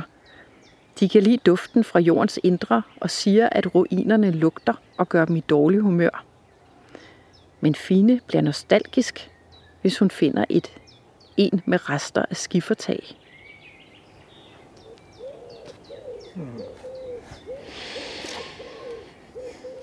Og, altså, så kunne jeg jo godt tænke mig at spørge, spørge dig efter, at, at også, jeg har læst den der roman. Hvad tænker du om den der natur? Er den god, eller er den ond, eller er den... Eller kan man ikke tale om naturen på den måde? Hmm, jeg kan sige, at rosen breder sig jo ligesom mennesker på mange måder breder sig. Ikke? Den, er, den bliver ikke stoppet af noget som helst. Og den har også sådan noget pollen og noget, der gør den giftig, så den faktisk kan slå mennesker ihjel. Altså undtagen fine, der er født med nogle andre gener. Så ja, jeg har tænkt lidt, da jeg skrev den, at ligesom mennesker gerne vil frem i verden, øh, hvis de kan komme til det, og ikke bliver stoppet, så, så vil rosen måske også gerne. Ja. Altså, men jeg, jeg stødte på en plante, der jeg researchede, der hedder Wolfia globosa. Kender du den? Oh, det siger mig et eller andet. Ja. Men den, man kan faktisk se den inde i Botanisk Have. Der er sådan, det ligner sådan noget andet mad. Meget, ja. meget småt. Så den vokser i ferskvand? Øh, nej, i saltvand. I saltvand? Men, nej, nu bliver jeg i tvivl. Mm. Det kan godt være, det er puttet saltvand. Jeg ved det ikke. Jeg troede faktisk, det var en havplante. Nå, men der stod i hvert fald Wolfia globosa på skiltet. Og der stod ikke noget andet, hvilket var lidt ærgerligt, fordi at den kan jo, hvis den får lov til at brede sig uhemmet, altså hvis man bare forestiller sig, at den deler sig, og så videre, og så videre, og så videre, formerer sig, uden at nogen stopper den, så kan den på fire måneder blive lige så stor som, eller samlet få en volumen på størrelse med jordens. Det er jo vildt, ikke? Men ja. der er jo noget, der stopper den. Det er jo det. Og den har jo ikke næring nok, nok og der, den har sikkert også fjender. Og, ja. Altså, så der, der, det, det sker ikke. Nej. Men det sker jo lidt for mennesker, at vi breder os, ikke? Det, Fordi det er der ikke er noget, der... Ja, det sker, ja. men det sker ret meget for mennesker, at vi breder os, fordi der er ligesom ikke... Nu har vi også en pandemi, men så finder vi noget mod den, og Ja, så, så øh, jeg, jeg tror da nok, naturen vil frem, hvis den kunne få lov til det. Er det, er det rigtigt? Jeg synes, jeg læste et sted, at træer har et eller andet indbygget, der gør, at, at de ikke bliver for høje, fordi det kan de ikke. Det er ikke øh, godt for dem, at de har en eller anden stopklods. Der er jo en eller anden genetisk styring på, ja. hvor høje træer bliver, men der er også en miljømæssig styring på det. Mm. Så, så Douglasgraner kan jo blive langt større end de, og højere, end de bliver i Danmark, i Nordamerika, hvor de kommer fra. Ja. Så, så, så man kan sige, at hvis planter vokser optimalt, men, men der er nogle fysiske grænser for, hvor stort et træ kan blive. Mm. Øh, så det er lidt, der er lidt færre grænser for, hvor gammelt det kan blive, ikke? fordi nogle træer kan jo faktisk formere sig ved udløber, og så kan den, gamle, den samme klon jo i mm. virkeligheden næsten lave en hel skov. Ja. Øh, og der er også svampe, som kan vokse igennem jorden, det samme svampefrugtlæme, som så pludselig kan være overalt i en skov, ikke? flere kvadratkilometer stor organisme, som lever dernede under jorden. Så det er jo ikke sådan helt grebet ud af luften, det der med, at under de rigtige vilkår og med tilstrækkelige ressourcer, så findes der nogle organismer, som kan vokse sig kæmpe store. Altså. Men samtidig så ved man jo ikke, hvad der sker med rosen senere hen. Altså nu stopper den her bog jo på et tidspunkt. Der kunne man jo godt have fortsat, ikke? og det overvejede jeg også med at tænke, jeg må hellere stoppe, mens lejen er god. øh, men men at, at en eller anden dag, så kommer der jo nok noget, der stopper rosen. Mm. Og det vil jeg da tro, der gør. Øh, fordi at der er også mange beskrivelser i bogen af, hvordan kontinenterne har delt sig, og jorden har udviklet sig, så er der kommet meteornedslag, og så er der sket noget andet. Så der er jo hele tiden forandringer. Det går bare over utrolig mange år. Øh, så jeg tænker også en dag, at rosen så væk, så kommer der noget andet. Ja, Jeg ved ikke, om det lyder sådan optimistisk. Nej, Eller det lyder realistisk, ja. for det er jo sket i jordens historie mange gange, ikke? og mm. jorden har været domineret af forskellige livsformer, og måske ikke så gralt som lige præcis med mennesket nu, men, men det har den, og så er der sket, så er der for eksempel kommet katastrofer, mm. globale katastrofer, som ligesom har visket tavlen ren. Mm. Øhm, så det tror jeg, det, er meget, det lyder meget realistisk, at der vil være et eller andet. Og det plejer der jo at være. Ikke? Der er et eller andet, som begrænser væksten af organismer. Og det er meget skægt, at du har fundet på en rose, fordi Altså i Danmark har vi jo den der rose, der kom fra, fra Japan, ikke? Øh, rynket rose, som har invaderet vores kyststrækninger. Og der kan man godt sådan nogle gange få den der fornemmelse af, damn, hvis den fylder så meget nu, og fylder så meget for 10 år siden, så om 10 år, så fylder den så meget. Og så, og så pludselig, hvis man fremskriver det der, så til sidst, så, går, så bukker man jo under, øh, og bliver, bliver, så alt natur overvokset med den der rose. Men kan det ske, tror du?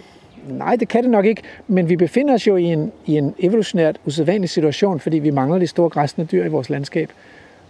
Og de ville have syntes, at det var rigtig interessant med sådan en rose der øh, i vinter- og forårsmånederne, når der ikke er så meget andet at æde ude i kystzonen. Så så ville den have fået kamp til stregen af sultne dyr. Og der er ikke nogen sultne dyr, så der er virkelig sådan en tom niche, hvor man bare kan brede sig og brede sig og brede sig. Mm. Men det er meget interessant, det der med at vi er vant til grænseløs vækst som mennesker. Så i øjeblikket har vi jo en, et kæmpe slagsmål i Danmark mellem øh, biologer som mig, der gerne vil slippe store græsne dyr fri i naturen, heste og kvæg, og så dyreværnsfolk, dyrebeskyttere, dyrebefriere, som, som insisterer på, at vi, skal, vi kan ikke bare slippe dem fri. Vi er nødt til at fodre dem og tage os af dem og passe på dem, så de ikke ligesom kommer til at lide. Men problemet er, at det der, sætter, det, der sætter en grænse for væksten af de store græsne dyr, det er jo, at de møder knaphed. hvad fanden skal man så gøre? Altså, er det så vores ansvar, fordi vi har sat dem fri i et naturområde, er det så vores ansvar at gå ind og aflive dem? Er det bedst? Vil de gerne, vil de gerne aflives for at undgå at komme til at sulte? Eller hvad fanden skal, hvad fanden skal vi gøre? Altså? Det, det er jo lidt det, man gør med rådyr. Altså, Ja, den skyder man skyder, hvis der er for mange, ikke? Eller hvad, eller tynder lidt ud i det, eller Jo, og spiser det. Rådyrene har, bliver, har også sådan en, en selvkontrol. Der er noget med, at de, de lever sådan lidt territorialt. Så der er også ligesom ser ud til at være en grænse for, hvor mange rådyr der bliver. Men krondyr og dårdyr, de lever i store flokke, og hvis man lod være med at skyde dem, så vil der blive der er mad til 20, 30, 40, 50 gange så mange, som vi har i dag. Og så vil landbruget være nødt til at dreje nøglen om. Så det er ikke for dyrenes skyld, at man skyder dem. Det er simpelthen for at undgå, at, at de ruinerer land, dansk landbrug. Ja. Men det, nu snakker vi jo om dyr, ikke? Men det er jo... Og det er jo også fordi, vi har et eller andet forhold til dem, at de har nogle søde øjne og sådan noget, ikke? Jo. Altså, hvis det var nogle træer, jeg ved ikke... Er der nogen, der sådan kæmper meget for de gamle træer? Der var jo en eller anden sorg inde på, var det på Vesterbros Torv, eller hvor det var en, der var Ja, eller andet især hvis de der, hvor de bor, ikke? Ja, ja, ja, ja, og hvor man har et forhold til det. Ja. Øh, altså, som, som gør, at man har lyst til at kæmpe for det, eller nærmest sådan et... Øh, øh, Men- ja. Men hvad vil dyrene gerne, hvis man spurgte dem? Altså, Det kommer jo ind på, hvordan man ser på dem, om de på en eller anden måde, altså hvis du snakker med en biodynamisk landmand, så vil man nok sige, at de havde en form for fælles sjæl eller sådan noget, ikke? altså landmanden og konen. nej, nej, nej. Køerne. Køerne indbyrdes. Ja. At man kan se på det som sådan en organisme. Ja. Øh, er ikke kun på den individuelle ko, men på hvordan hele arten som sådan Ja. har det, klarer sig. Og det, er og, og det tænker jeg også, altså den der fornemmelse af at komme ud i sådan et område, hvor de, der går eksmor pony, og, og de har levet vildt, og er ikke blevet passet, og ikke blevet fodret og sådan noget. Jamen, den der fornemmelse, at man kommer, kommer man godt få lov til at, at kigge på dem, men de er helt ligeglade med mennesker. At der står nogen, fordi de har deres eget liv kørende med hinanden. En flokstruktur, hvor de kender hinanden, og ved, hvad man kan og ikke kan, og sådan noget. Ikke? Så, så det kan jeg godt, det der med, at de har sådan ligesom et, deres eget liv. Ja, jeg har lige været der faktisk. Jeg kom hjem i går fra Mols. Er det rigtigt? Ja, ja, jeg har gået 80 km på tre dage, så jeg er en lille smule træt. En lille bitte smule.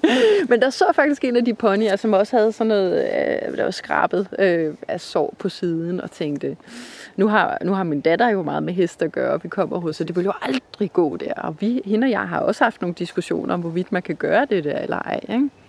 Øhm, men det kommer jo også an på, hvilken slags dyr man har sendt ud. Om det er nogen, der er vant til altså en stor raberhængst, man sender ud.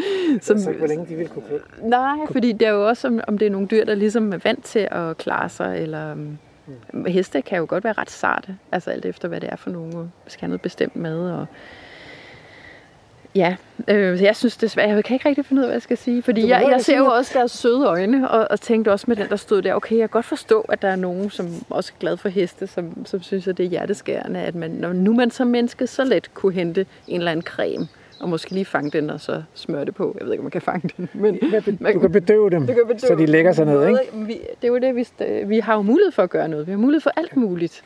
Det Så det, vi har jo også altså, mennesker i et eller andet privilegie, eller det ved jeg ikke, om det, man kan kaldes det, hvor vi, hvor vi sådan kan få lov til at bestemme, om vi vil gøre det ene eller det andet. Det er jo et stort etisk valg, vi står i.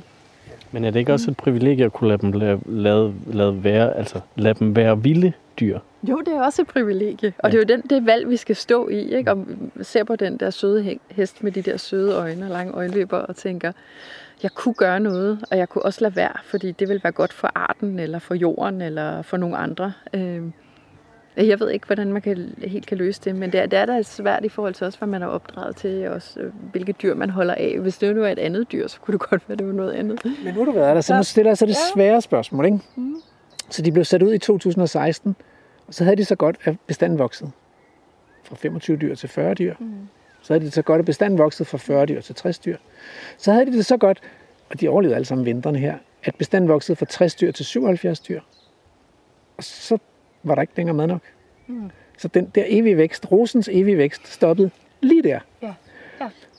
Og så rendte det ind i knaphed, og så er det jo sådan, at man efter dyreværnsloven, så skal man tage dyrene ud. Og der lavede vi et vildspor, hvor vi besøgte Mols Laboratoriet. Lige der, hvor de skulle til at tage dyrene ud. Og man har skilt flokken ad og taget de dyr væk, som skulle transporteres til et andet område, og resten af flokken var i oprør. Altså over, at de skulle skilles ad. Øh, så de der rolige dyr, som man ellers aldrig kom på nært hold af, de løb rundt uden for den der indhegning, hvor de fraskilte dyr, der nu ikke længere ville kunne klare resten af vinteren, de var på vej til at blive udskibet og sendt til andre projekter. Og nogle af dyrene blev, blev, blev skudt, fordi man ikke kunne indfange dem. Og der blev fjernet 41 dyr den vinter, fordi der var simpelthen ikke mad til 77 dyr længere. Og dyreværnsloven sagde så, at man skal, man må ikke lade dem dø på arealet, så de skal ligesom fjernes. Ikke? Det må ikke, naturen må ikke gå sin gang i Danmark. Så der, det blev der taget hånd om. Næste var det, jeg tænkte altså, hvem er de der dyr? Det kan godt være, at det er venligt over for dyrene at sende dem over i et andet naturområde, hvor der er masser af mad. Det kan godt være, at det, at det er det venligste at gøre. Men der var også nogle af dem, der blev skudt, og så tænker jeg, hvem? Altså, hvis man spurgte dyrene, altså, hey, I er for mange, øh, dem, der gerne vil skydes, kom lige herover. altså, er det, er jo ikke, altså, er det venligt over for dyrene? Ja, det kan at aflive dem? Ja, medmindre de alle sammen går og sulter så. Altså, øh, eller det ved jeg ikke, hvordan de fordeler. Det er nok den svageste, der dør først. Så, ikke? Jo. så kan de så være ved hinanden, når de hinanden dør. Ja. De kan holde i, i, holde, holde i hov. Ja. eller hvad de nu gør. Det kan da også være, de sørger, når der er... Ja, det ved jeg ikke, hvad de gør. Ja, fordi vi løser det problem andre steder i vores dyrehold med enten at slagte dyrene, eller sterilisere dem, eller skille dem med, så de ikke kan parre sig. Så sådan, sådan, sådan har vi jo, kontrollerer vi jo, hvor mange dyr der er. Ikke? Men uden naturen, der, der er det der er det naturen, der sætter grænsen for væksten. Jeg, jeg, det er ikke fordi, jeg synes, det er nemt, vel? Nej, det er det ikke. Men som biolog kan jeg godt lide tanken om, at der er nogle vilde dyr, vi har sat fri, og så er der vores produktionsdyr og tamdyr og hyggedyr og kæledyr og sådan noget. Dem skal vi selvfølgelig tage os af. Men de vilde dyr, jeg kan godt lide tanken, at de kan, ligesom brumbærne her og planterne og sådan noget, de kan leve deres eget liv. Ja, det kan jeg godt se det. Det, det er bare det er svært at være de mennesker, der står i dilemma, der skal tage beslutninger. Ja. Og, det, og man må heller ikke i Danmark. Så, men man skal følge husdyrvelfærdsloven, og det er den samme lov, der gælder, uanset om man holder dyr i et 120 hektar stort naturområde, eller, eller en lille fold, eller en bås. Du lytter til Radio 4. Der er ikke nogen plæneklipper nu. Nej, Nej lad os træske godt gå lidt. Ja. Jamen, mindre vi skal over til uh, Stefans skov, det ved jeg ikke. Hvis du skal det, så gør vi det. Ja, for det er lige et stykke derhen. Øhm, men, men du havde også et spørgsmål, som gik på symbiosen der mellem... Nå ja, kan det lade sig gøre? At mennesker øh, på en eller anden måde...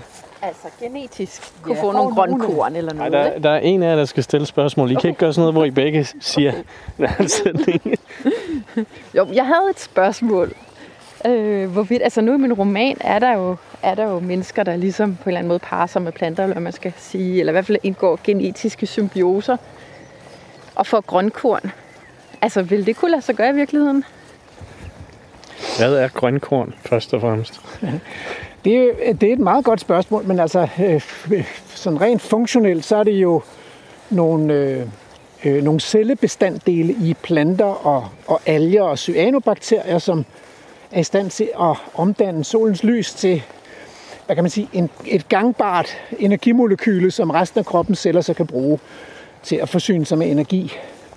Altså uden det har der ligesom ikke været rigtig noget interessant liv på jorden, fordi det der med at høste solenergi er jo sådan en, en uendelig energikilde, og er grundlaget for, at vi dyr også kan være her, mennesker kan være her, svampene kan være her og sådan noget. Så vi bruger alle sammen, vi nasser alle sammen på planternes grønkorn, kan man sige. Og et, øh, det interessante er jo, at planterne har fået deres grønkorn ved, at en, øh, en, en avanceret organisme har spist en, en blågrøn alge på et tidspunkt. Og så er den blågrøn alge holdt op med at være individuel og selvstændig og blevet indarbejdet i en celle. Så grønkorn har ligesom deres eget DNA, der stammer fra de der bakterier, cyanobakterierne. Øhm, så det er sådan en del af det, man kalder endosymbiont-hypotesen. Men det er sket meget tidligt i livets historie, og, og der er det ved liv, at at simple organismer, som for eksempel bakterier, de er meget fleksible. De kan have sex med hinanden, og de kan udveksle gener, og de kan låne egenskaber og genetiske egenskaber fra hinanden og sådan noget. Men komplicerede organismer, øh, og flercellede komplicerede organismer som os, vi, er ligesom, øh, vi, vi, vi kan en utrolig masse, men vi til gengæld er vi blevet enormt ufleksible. Så vi har, vi har mistet en del af den der vilde forandringskraft, der ligger ned på det meget primitive niveau. Øh, så vi er ligesom sådan... Vi er ligesom bygget op af nogle byggeklodser, som indebærer en masse... Altså alt, den, alt det, man kan sige, al den kraftfulde formgivning, som kan en masse. Øh, vi er for eksempel blevet intelligent og sådan noget. Det, det er kommet med den pris, at vi også er blevet ufleksible. Så derfor så er, er jeg nok, uden at være genetiker, meget skeptisk. Jeg tror ikke, jeg tror simpelthen ikke, vi kan. Altså jeg tror, det ligger tættere på, at vi kan kombinere nogle af, nogle af de der kunstig intelligens egenskaber, som vi selv har skabt, at vi ligesom kan få kombineret dem ind med vores egen begævelse og vores egen intelligens. Så jeg tror, at en cyborg, eller den der sammensmeltning af mennesker og maskine, ligger tættere på, end en sammensmeltning af mennesker og plante. Hmm. Okay, nå, det var ærgerligt. jeg, må skrive, jeg må skrive version 2, så. Nej, men jeg ved det. Altså, jeg Nej, synes, men jeg det, fordi på den måde står, ja. altså på den måde står og falder din fantasi jo ikke, eller din, øh, din historie står og falder ikke med, med det rent øh, biologisk mulige.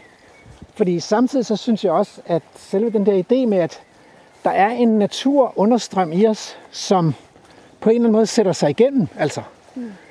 Det er vildt fascinerende. Men, men jeg tænker også, nu var det jo, hvad var det, at urhavsalge, der spiste en cyanobakterie eller omvendt. Mm. At det er jo, altså jeg synes, jeg har læst et eller andet sted, at det, mm, der er nogen, der mener, at det er bare én, der har gjort det. Altså, Ja. en eneste på et eller andet tidspunkt, hvor det her kunne ske, hvor de der DNA er blevet indlemmet. Ja. Og altså, og det er jo bare en eller anden genetisk tilfældighed, der lige pludselig skete der. Ja. Og så, så var det, jeg tænkte, da jeg læste det, så tænkte jeg, nå, men så kan det måske også ske den anden vej. I en eller anden helt obskur, øh, langt ude situation, at det helt tilfældigt kan ske. Det kan vi jo sige. Men Andrew, øh, er det ikke nu, dit øh, spørgsmål kommer? Og jeg ved, du tænker på dem. Jeg tænker, jeg tænker jo hele tiden på dem. Jamen, det er det. Charlotte, jeg skal spørge dig om, øh, jeg, er jeg er meget fascineret af zombier. Ja.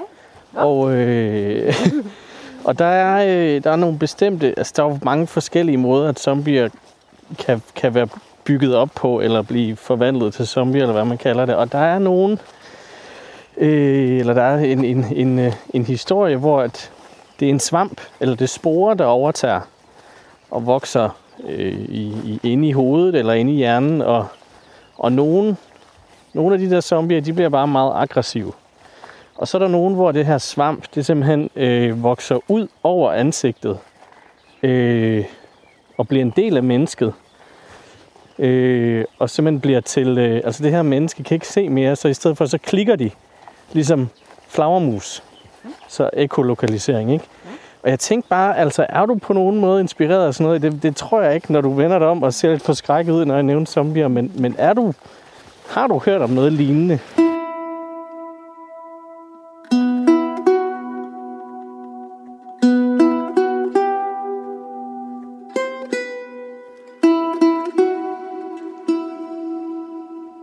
Nej, men jeg har da læst lidt om, øh, jeg har ikke selv prøvet det altså, men noget med, med svampe, hvordan der var en eller anden, der mener, at, at mennesket sådan, men, som, mentalt som menneske opstod, da, da en abe spiste en bestemt svamp.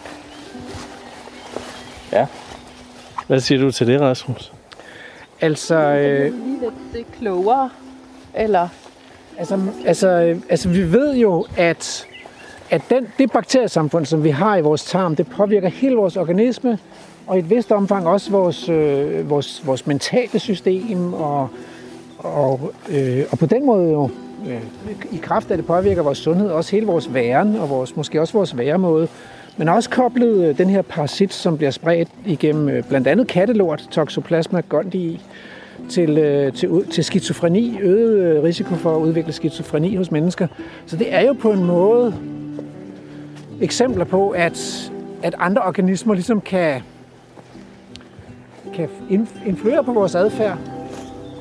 Øh, og, og, og, på en eller anden ube, meget ubehagelig måde overtage os, ikke? Øh, Men er der ikke også nogen, altså, jeg synes også, jeg har hørt, at nogen, der indtager sådan nogle sjove svampe, begynder at få sådan en fornemmelse af, at de er sådan i kontakt med hele verden eller naturen, og får sådan nogle øh, sådan fornemmelser af, netop som Fine for i den historie, jeg lige læste, at hun sådan føler, at hun er i kontakt med alting.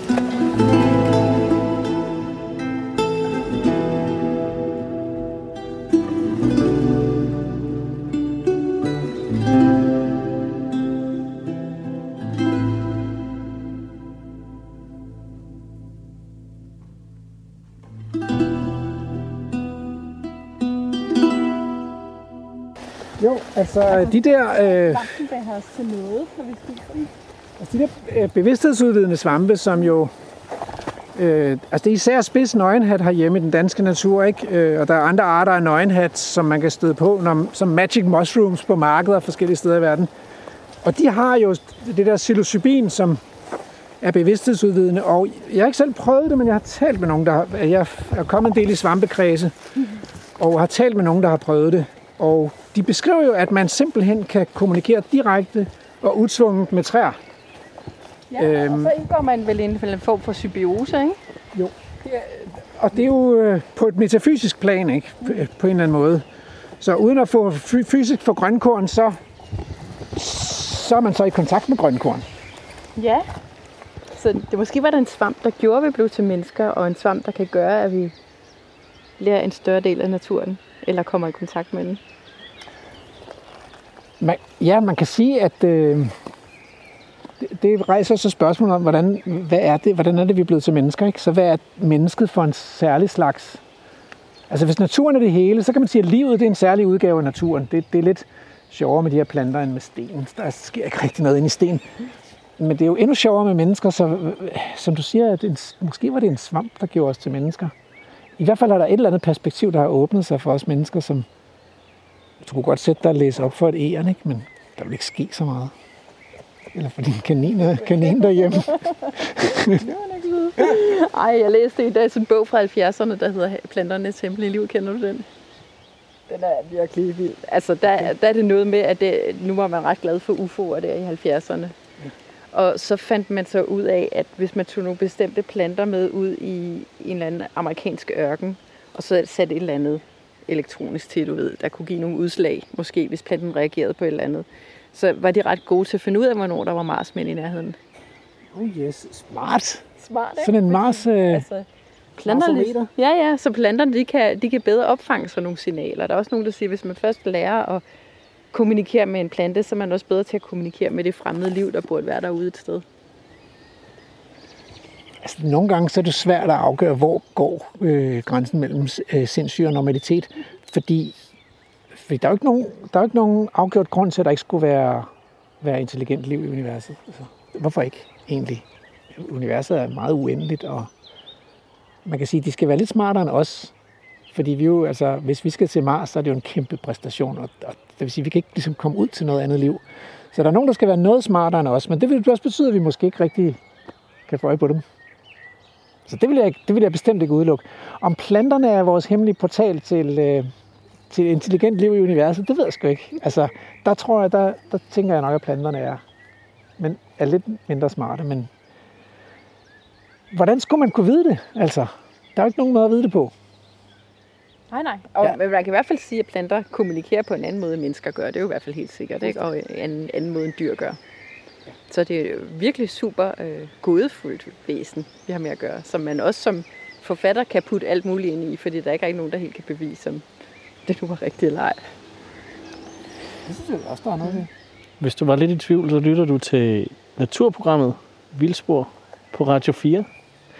Og øh, lige nu så har vi øh, kæmpet os igennem en, lidt, lidt vildnis, og vi står øh, nede ved en sø.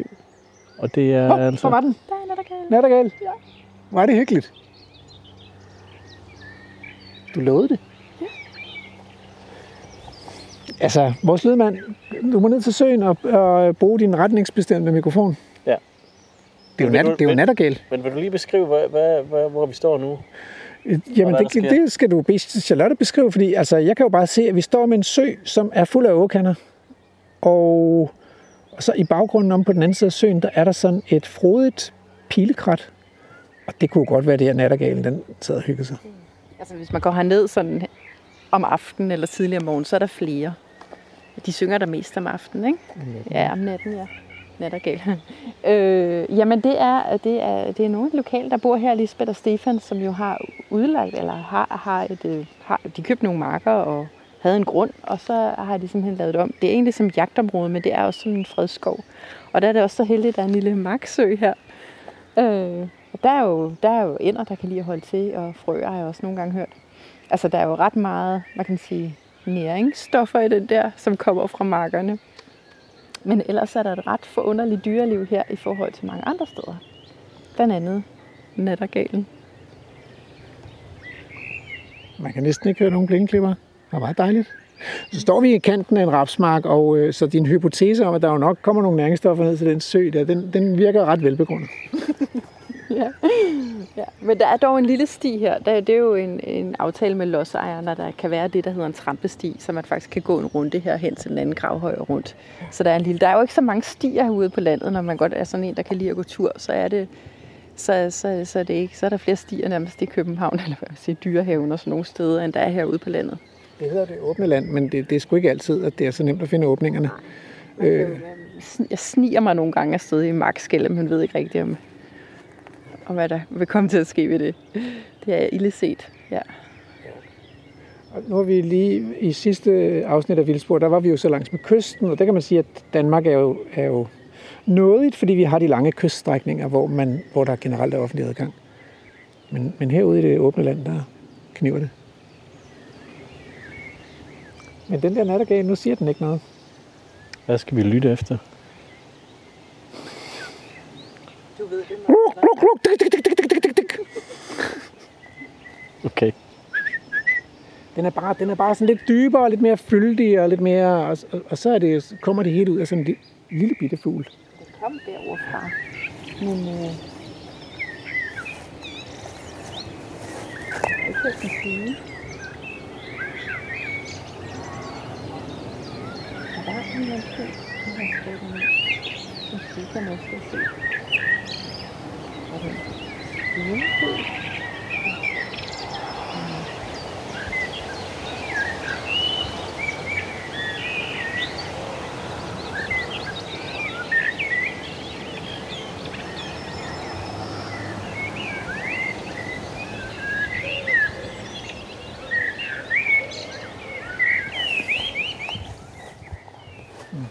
Nej. Ingen nattergal, sorry. Du lytter til Radio 4. Jeg har faktisk et spørgsmål mere til dig, Charlotte. Mm. Fordi nu er du i nærheden af en højskole, og har også til dels undervist på højskolen.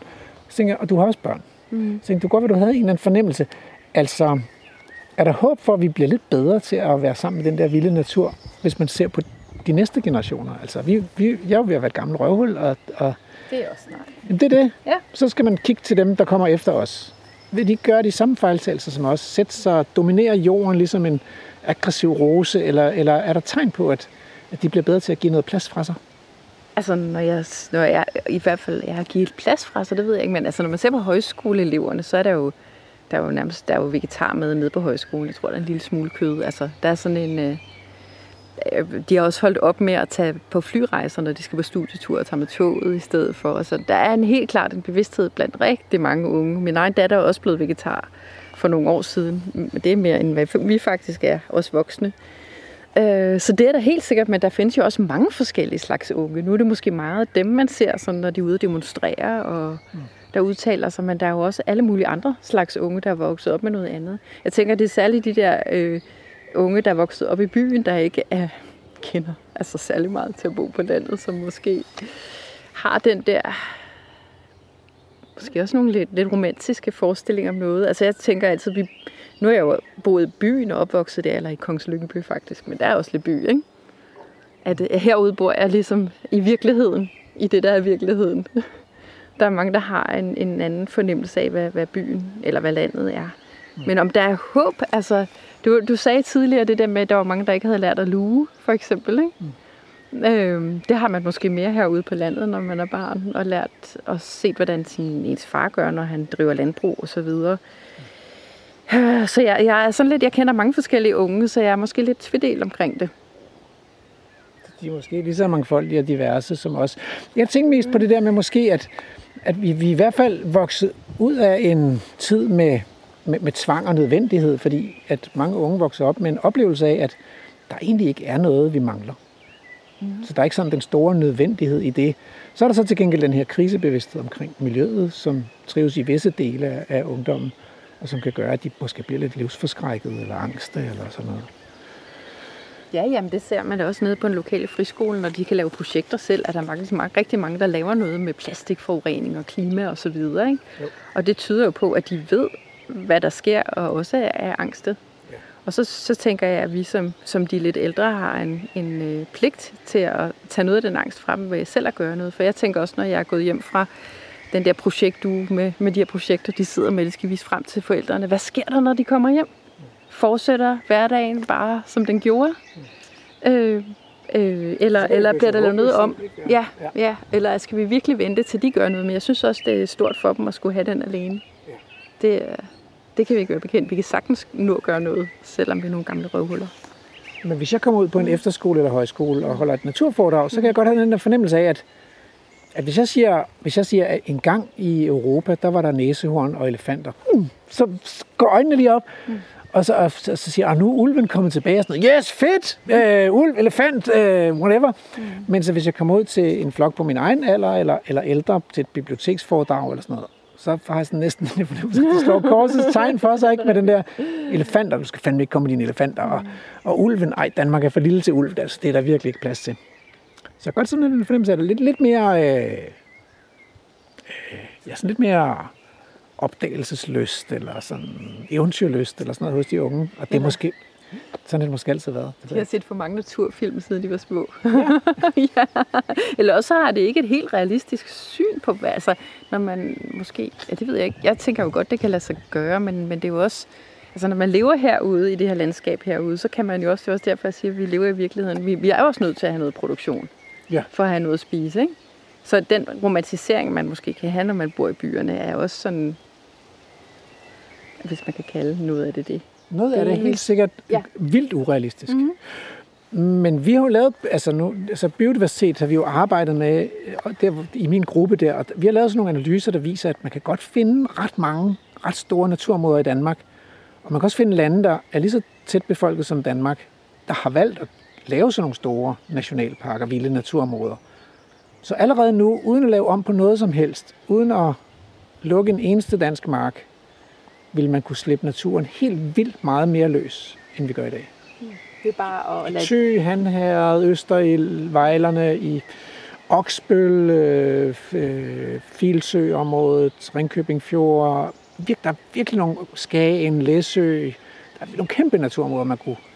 Molsby er jo også i stedet for de mange små indhegninger, altså en stor, mm. en stor indhegning med store vilde dyr, der levede vildt hele året rundt. Og, Altså, jeg læste, jeg mener, det var af nyheder. Jeg kan ikke huske helt, hvor nyheden kom fra. Det kan være, du ved noget om det, at hvis man, hvis alle, alle danskere levede efter den nye kostvejledning, eller hvad hedder den kostplan fra Sundhedsstyrelsen? Er der noget med, der er sådan en, hvor man skal spise mindre kød, og altså hvor den, den, den der mere klimabevidste nye, øh, så kunne man udlægge 40 procent af al landbrugsjord til vild natur, hvis vi spiste anderledes. Og der er endda kød med i den plan. Og det, og det er jo svaret på, hvis vi mennesker som menneskehed i det hele taget skal følge mindre, så er kongevejen, det er jo at lade være med at spise så meget kød, fordi det bruger helt vildt meget plads og mange ressourcer. Ikke, ikke kun i Danmark, men jo også det kraftfoder, vi fylder i vores dyr, det kommer jo også fra naturområder andre steder i verden, hvor skov bliver fældet for at kunne dyrke det der øh, soja eller palmeolie, eller hvad, hvad vi nu skal bruge. Så, så, så det, det er kongevejen til at fylde mindre. Men der er en ting mere, der skal til, det er også, at vi beslutter os for, at give plads til vild natur. Så altså ikke kun fylde mindre med landbrug, men vi skal også beslutte os for, at nu må naturen så godt være vild. Så det er okay, ulven er her. Det er okay, at, øh, at, øh, at hesten og bisonerne og elgene og så videre, at de lever vildt. Vi behøver ikke gå og tro, at det er vores opgave at regulere dem og styre dem. Og sådan. Det kan de godt selv finde ud af. Og, og øh, min erfaring er, at vi mennesker, vi, den, der, den der med, at vi er sat på jorden i Guds sted for at forvalte skaberværket. Det er os, der skal styre de der umælende dyr, så de ikke kommer galt af sted. Sådan noget. Det ligger ret, altså, ret dybt i os. Mm. Mm. Vi skal simpelthen holde styr på de der, den der natur. Ja, ja. Også at vi udviser godhed og noget og så videre. Ikke? Ja. ja. Men det er alligevel fascinerende, altså når jeg har sagt det til folk, jeg har læst det, nu håber jeg virkelig, at jeg læst rigtigt. Så, det er jo, så, tænker, så tænker jeg også, det, det er jo i virkeligheden ret let. Ja. Tænk, hvis vi alle sammen bare spiste kød en gang om ugen. Ja. Bare en lille smule kylling eller noget. Og så 40 procent. Prøv at tænk på, hvor meget landskabet herude vil ændre sig. Altså, jeg, der er jo stort set kun udsyn til marker her. Ja. 40 procent mere. Det er jo faktisk en af grunden til, at vi har fået ulv i Danmark. Det er, at man i store dele af Østeuropa har landbefolkningen forladt landområderne og lavet naturen tage over. Så der er simpelthen, vi har haft sådan naturen i sådan et, et, et, et, en kvæler, et kvælertag, ikke? en skruestik, og så er der blevet løsnet, og så kommer den tilbage igen. Så pludselig så vokser ulvebestanden og begynder at sprede sig, så vokser bjørnebestanden, så vokser elbestanden, så vokser bisonbestanden. Så det er virkelig, man kunne virkelig få genfortryllet også, også bundelandet Danmark, hvis vi gjorde det, mm. og hvis vi slap naturen fri. I løbet af kort tid. Mega kort tid. Mm-hmm. Det er det, bare det, se den her skov, det her har jo ikke stået i mange år, altså før Præcis. den er blevet skov. Præcis. Mm. Og efter at vi, altså svanen, vi var ved at have udryddet knopsvanen i Danmark. Der var få par knopsvaner tilbage for halvandet hundrede år siden. Og, så holdt man, lavede man jagtfredet dem, og nu er der bare svaner over det hele. Ikke? Altså, det er da også en god historie. Men det vil kræve en ting mere. Så en af, vi omlægger vores kost, og så får vi mulighed for at tage det der landbrugsjord ud af omdrift. Men der er nogen, der har forgældet sig for at købe landbrugsjorden for at tjene penge på at dyrke den. Noget så kompensation? De skal have erstatning. Og nu har mængdene jo dannet præcedens. Det er jo interessant, hvor mange penge man kunne finde til de der mink. Så jeg prøver at regne på det, så hvis man nu ville lægge 20% af Danmarks jord ud til natur for evigt, så ville det koste 100 milliarder med den jordpris, vi har i dag. Så tænker man, 100 milliarder, det er med hvor mange penge. Det er en månedsløn per voksen dansker. Som flere er det ikke. For altid. 20 procent. Altså en månedsløn én gang? En gang. Okay, jeg, jeg, jeg vil godt give. Det er der så nogen, der ikke kan, så der er nogen, der kommer til at spytte lidt mere i kassen. Nogen. Så de tungeste skuldre må bære mest. Og det kunne også være, at man skal gøre det over 20 år eller sådan noget. Så tage en bid hvert år. Ikke? Men det er ikke, det, man kunne godt gøre det. Det kræver jo, at der så sidder nogle folketingspolitikere og så siger, det her vil vi gerne gøre, ikke bare for, fordi vi har ondt af minkavlerne, vi vil godt gøre det for alle kommende generationers naturoplevelse og skøn, skønheden i landet Danmark. Ikke? Jeg ved sgu ikke, altså. Jeg ved ikke, om jeg tror på, at de vil kunne finde på at bruge 100 milliarder kroner på skønhed. Men det kunne godt være, at man skulle starte et sted, når nu med, altså, vi før stod og kiggede ned over Svindinge Vejle. Og hvis, hvis nu alle her, der kører forbi, ligesom oplever i løbet af hvor kort tid, der kommer et naturreservat dernede. Ikke? Hvor meget dyreliv. Der er faktisk et sted, når jeg, når jeg kører til København herude mellem, øh, mellem øh, Vallekilde og, og København, er et sted ikke så langt fra Roskilde, hvor der er et område, og nu har vi kørt der i mange år, der er lagt ud. Altså, det, det, det, der må være sket et eller andet der, fordi pludselig var der en masse vand, og pludselig var der en masse fugle. Jeg ved ikke, om du kender det område, men der er i hvert fald meget hurtigt sket noget. Så måske er det også noget med at opdage, hvad det gør for en selv, og hvor stor en forskel er det er, og måske for lidt det er. Der er jo det der område, der hedder Nep, Nep Estate i England, hvor en, et stort gods på et tidspunkt, ikke, de, kunne ikke, de kunne ikke få deres landbrug til at løbe rundt. Så sagde de, vi opgiver det nu, laver, gør vi noget andet. Og så slap de alle dyrene ud af stallen. Så kvægene, kvæget, hestene og grisene ud i landskabet, og så holdt de op med at dyrke markerne, og så lod de det forvilde sig. Så nu hedder det nep wilding, tror jeg det hedder, eller sådan noget. Og nu er det blevet sådan et sted, hvor englænder og europæer tager på safari for at opleve det der vilde dyreliv, der nu udfolder sig inde i området. Altså. Så det med at tænke, at naturen kan komme tilbage. Og det fede ved det, det er jo, at det er jo sådan en håbefuld fortælling, fordi klimaet bliver ligesom ikke... Vi har et stort problem med et klima. Måske kan vi løse problemet, men det bliver verden jo ikke. Så har man bare løst et problem. Men så det her med, at hvis man giver plads til naturen, så begynder den at folde sig ud. Det, er jo, det bringer jo håb med sig om, at, at livet kan noget og kan stadigvæk. Så, øh, så jeg tænker, det er virkelig, der ligger virkelig et potentiale i, og, og måske er det bare det, der skal til, at vi starter i det små, og så opdager folk det der potentiale. Mm. Som du siger, ikke, at man kan se, hvor hurtigt det går, hvis man giver plads. Men det, det handler jo også om, at man ved noget om det. Ikke? Altså, at naturen bliver jo også meget mere interessant, øh, når, man, når man ved noget om de planter, man ser. Altså det er jo også, når man ser dyrefilm med de her eksotiske dyr fra Afrika, så, så er det i sig selv spændende for en elefant og stor, og store ører og sådan noget. Ikke? Men, men når man ser de her planter, der for eksempel vokser omkring os, så bliver det jo også på mange måder kun interessant, hvis man ved noget om dem. og kender til deres egenskaber. Det var faktisk også det, jeg ville med romanen. Ikke? At fortælle noget om planter, og hvor, mange, hvor meget de kan, hvor fascinerende det er. Hvor mange historier der er om dem. Jeg altså, selv startede som botaniker, og, og der er jo ingen tvivl om, efter jeg også er begyndt at åbne sådan boksen lidt til insektlivet og svampelivet og sådan noget, at planterne er jo starten på det hele. Som du sagde, de der grønkorn, ikke? Så, så når, når biodiversiteten skal folde sig ud, så er det en rigtig god idé at starte med en stor diversitet af planter, fordi så er der levemuligheder for mange forskellige dyr, der vælger hver deres plante, som de har et eller andet kørende med, ikke? enten blomsterne, eller bladene, eller stænglerne, eller rødderne. Eller... Øh, så det starter med planterne. Ja. Altså, tror du, man skal... Er sproget, er, er sproget den nøgle, der skal åbne naturen op, eller, eller er det sådan noget, der bare følger med? Jeg tror, det er fortællingerne om dem. Viden. Altså, tænk, hvis nu alle børn havde en biologilærer, der kunne åbne det for dem og fortælle alle de forunderlige historier. Øh, så tror jeg, det vil ændre noget. Altså, jeg begyndte at læse biologi, fordi jeg havde sådan en inspirerende biologilærer i gymnasiet. Det er helt sikkert. Det var det, der ligesom åbnede den dør. Det er det, det, vi skal.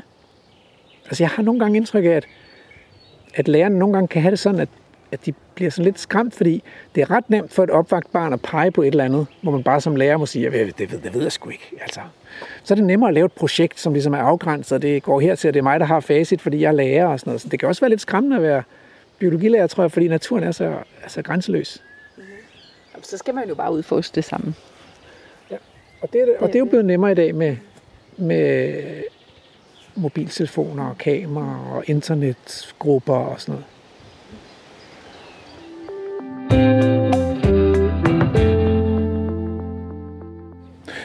Så er vi kommet tilbage til Charlotte Weisses øh, bolig, og øh, nu er det tid til at runde af. Og det har været en fornøjelse at besøge dig. Tak fordi vi måtte komme. Tak for besøget. Og en fornøjelse at snakke om det, og, øh, og dejligt, du vil læse op fra øh, Rosarium, som kan anbefales til alle, sige, selvom man, altså ligegyldigt om man sådan tror på zombier, som vores producer, eller om man interesserer sig for menneskets relation til natur, måske også menneskets egen natur, så, øh, så skal der lyde en varm anbefaling herfra. Det er en spændende og lidt urovækkende bog. Er der nogen, der har sagt, at den er urovækkende for? ja, det er der. Der er, nogen, der, der er faktisk mange, der har sagt senere, at de har drømt underligt om natten. Ja. Altså haft sådan nogle mærkelige plantedrømme, og er pludselig stået med op om natten og ikke kunne helt finde ud af det. Så jeg tror, at den er faktisk gået ind på underbevidstheden hos nogen. Ja, lidt, øh, lidt spændende og lidt uhyggeligt. Læs den ikke under indflydelse af hallucinogene svampe. Ej, så bliver det værre. ja.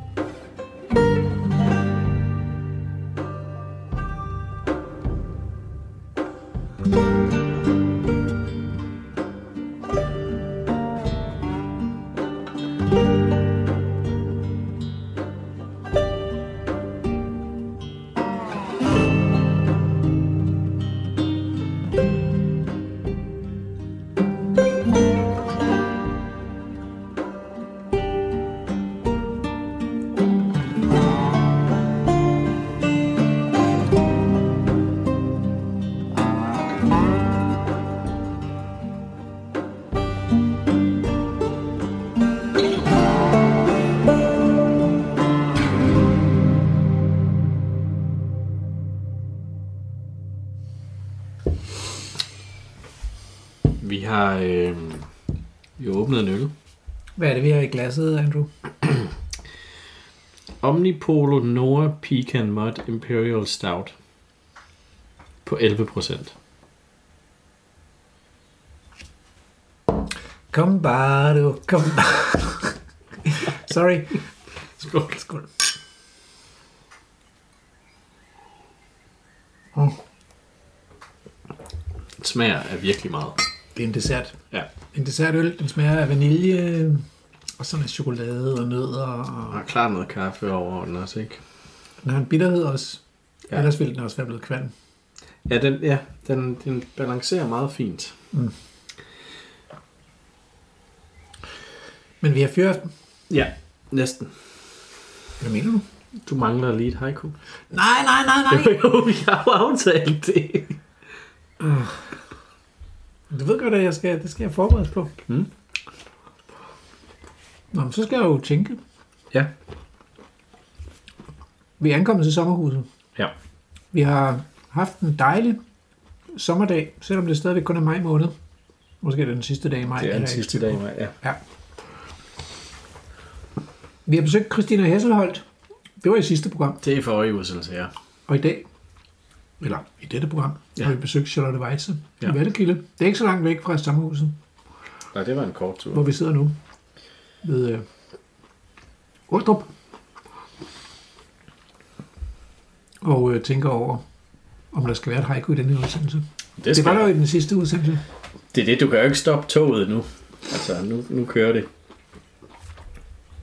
Nu kører toget. Nej. Men altså, du kan godt få en pause. Eller lige til... Øh, Vi har øl i glasset. Pølserne ligger på panden, de ligger og braser lammepølserne. og øh, majsene ligger i gryden. Ja. Vi har en salat. Vi har oliven. Du købte oliven. Det, det, det har vi jo fundet ud af, at vi er meget glade for begge to. Og det er stadigvæk, og det bliver bare den dejligste sommeraften. Man kan jo risikere her i Danmark, at det den bliver den bedste sommeraften hele sommeren i aften. Ja. Vi ved det ikke. Men altså, kan du nå at skrive det haiku, inden vi spiser? Ja. Det arbejder jeg på. Okay. Så giv mig lige, give me a break. Jeg slukker båndet. Kan man gå i et, svampe sig ind på naturen, drømme om roser? Programmet er produceret af Folkeuniversitetet og Aarhus Universitetsforlag for Radio 4 med delvis støtte af O.V. Jensen Naturfond.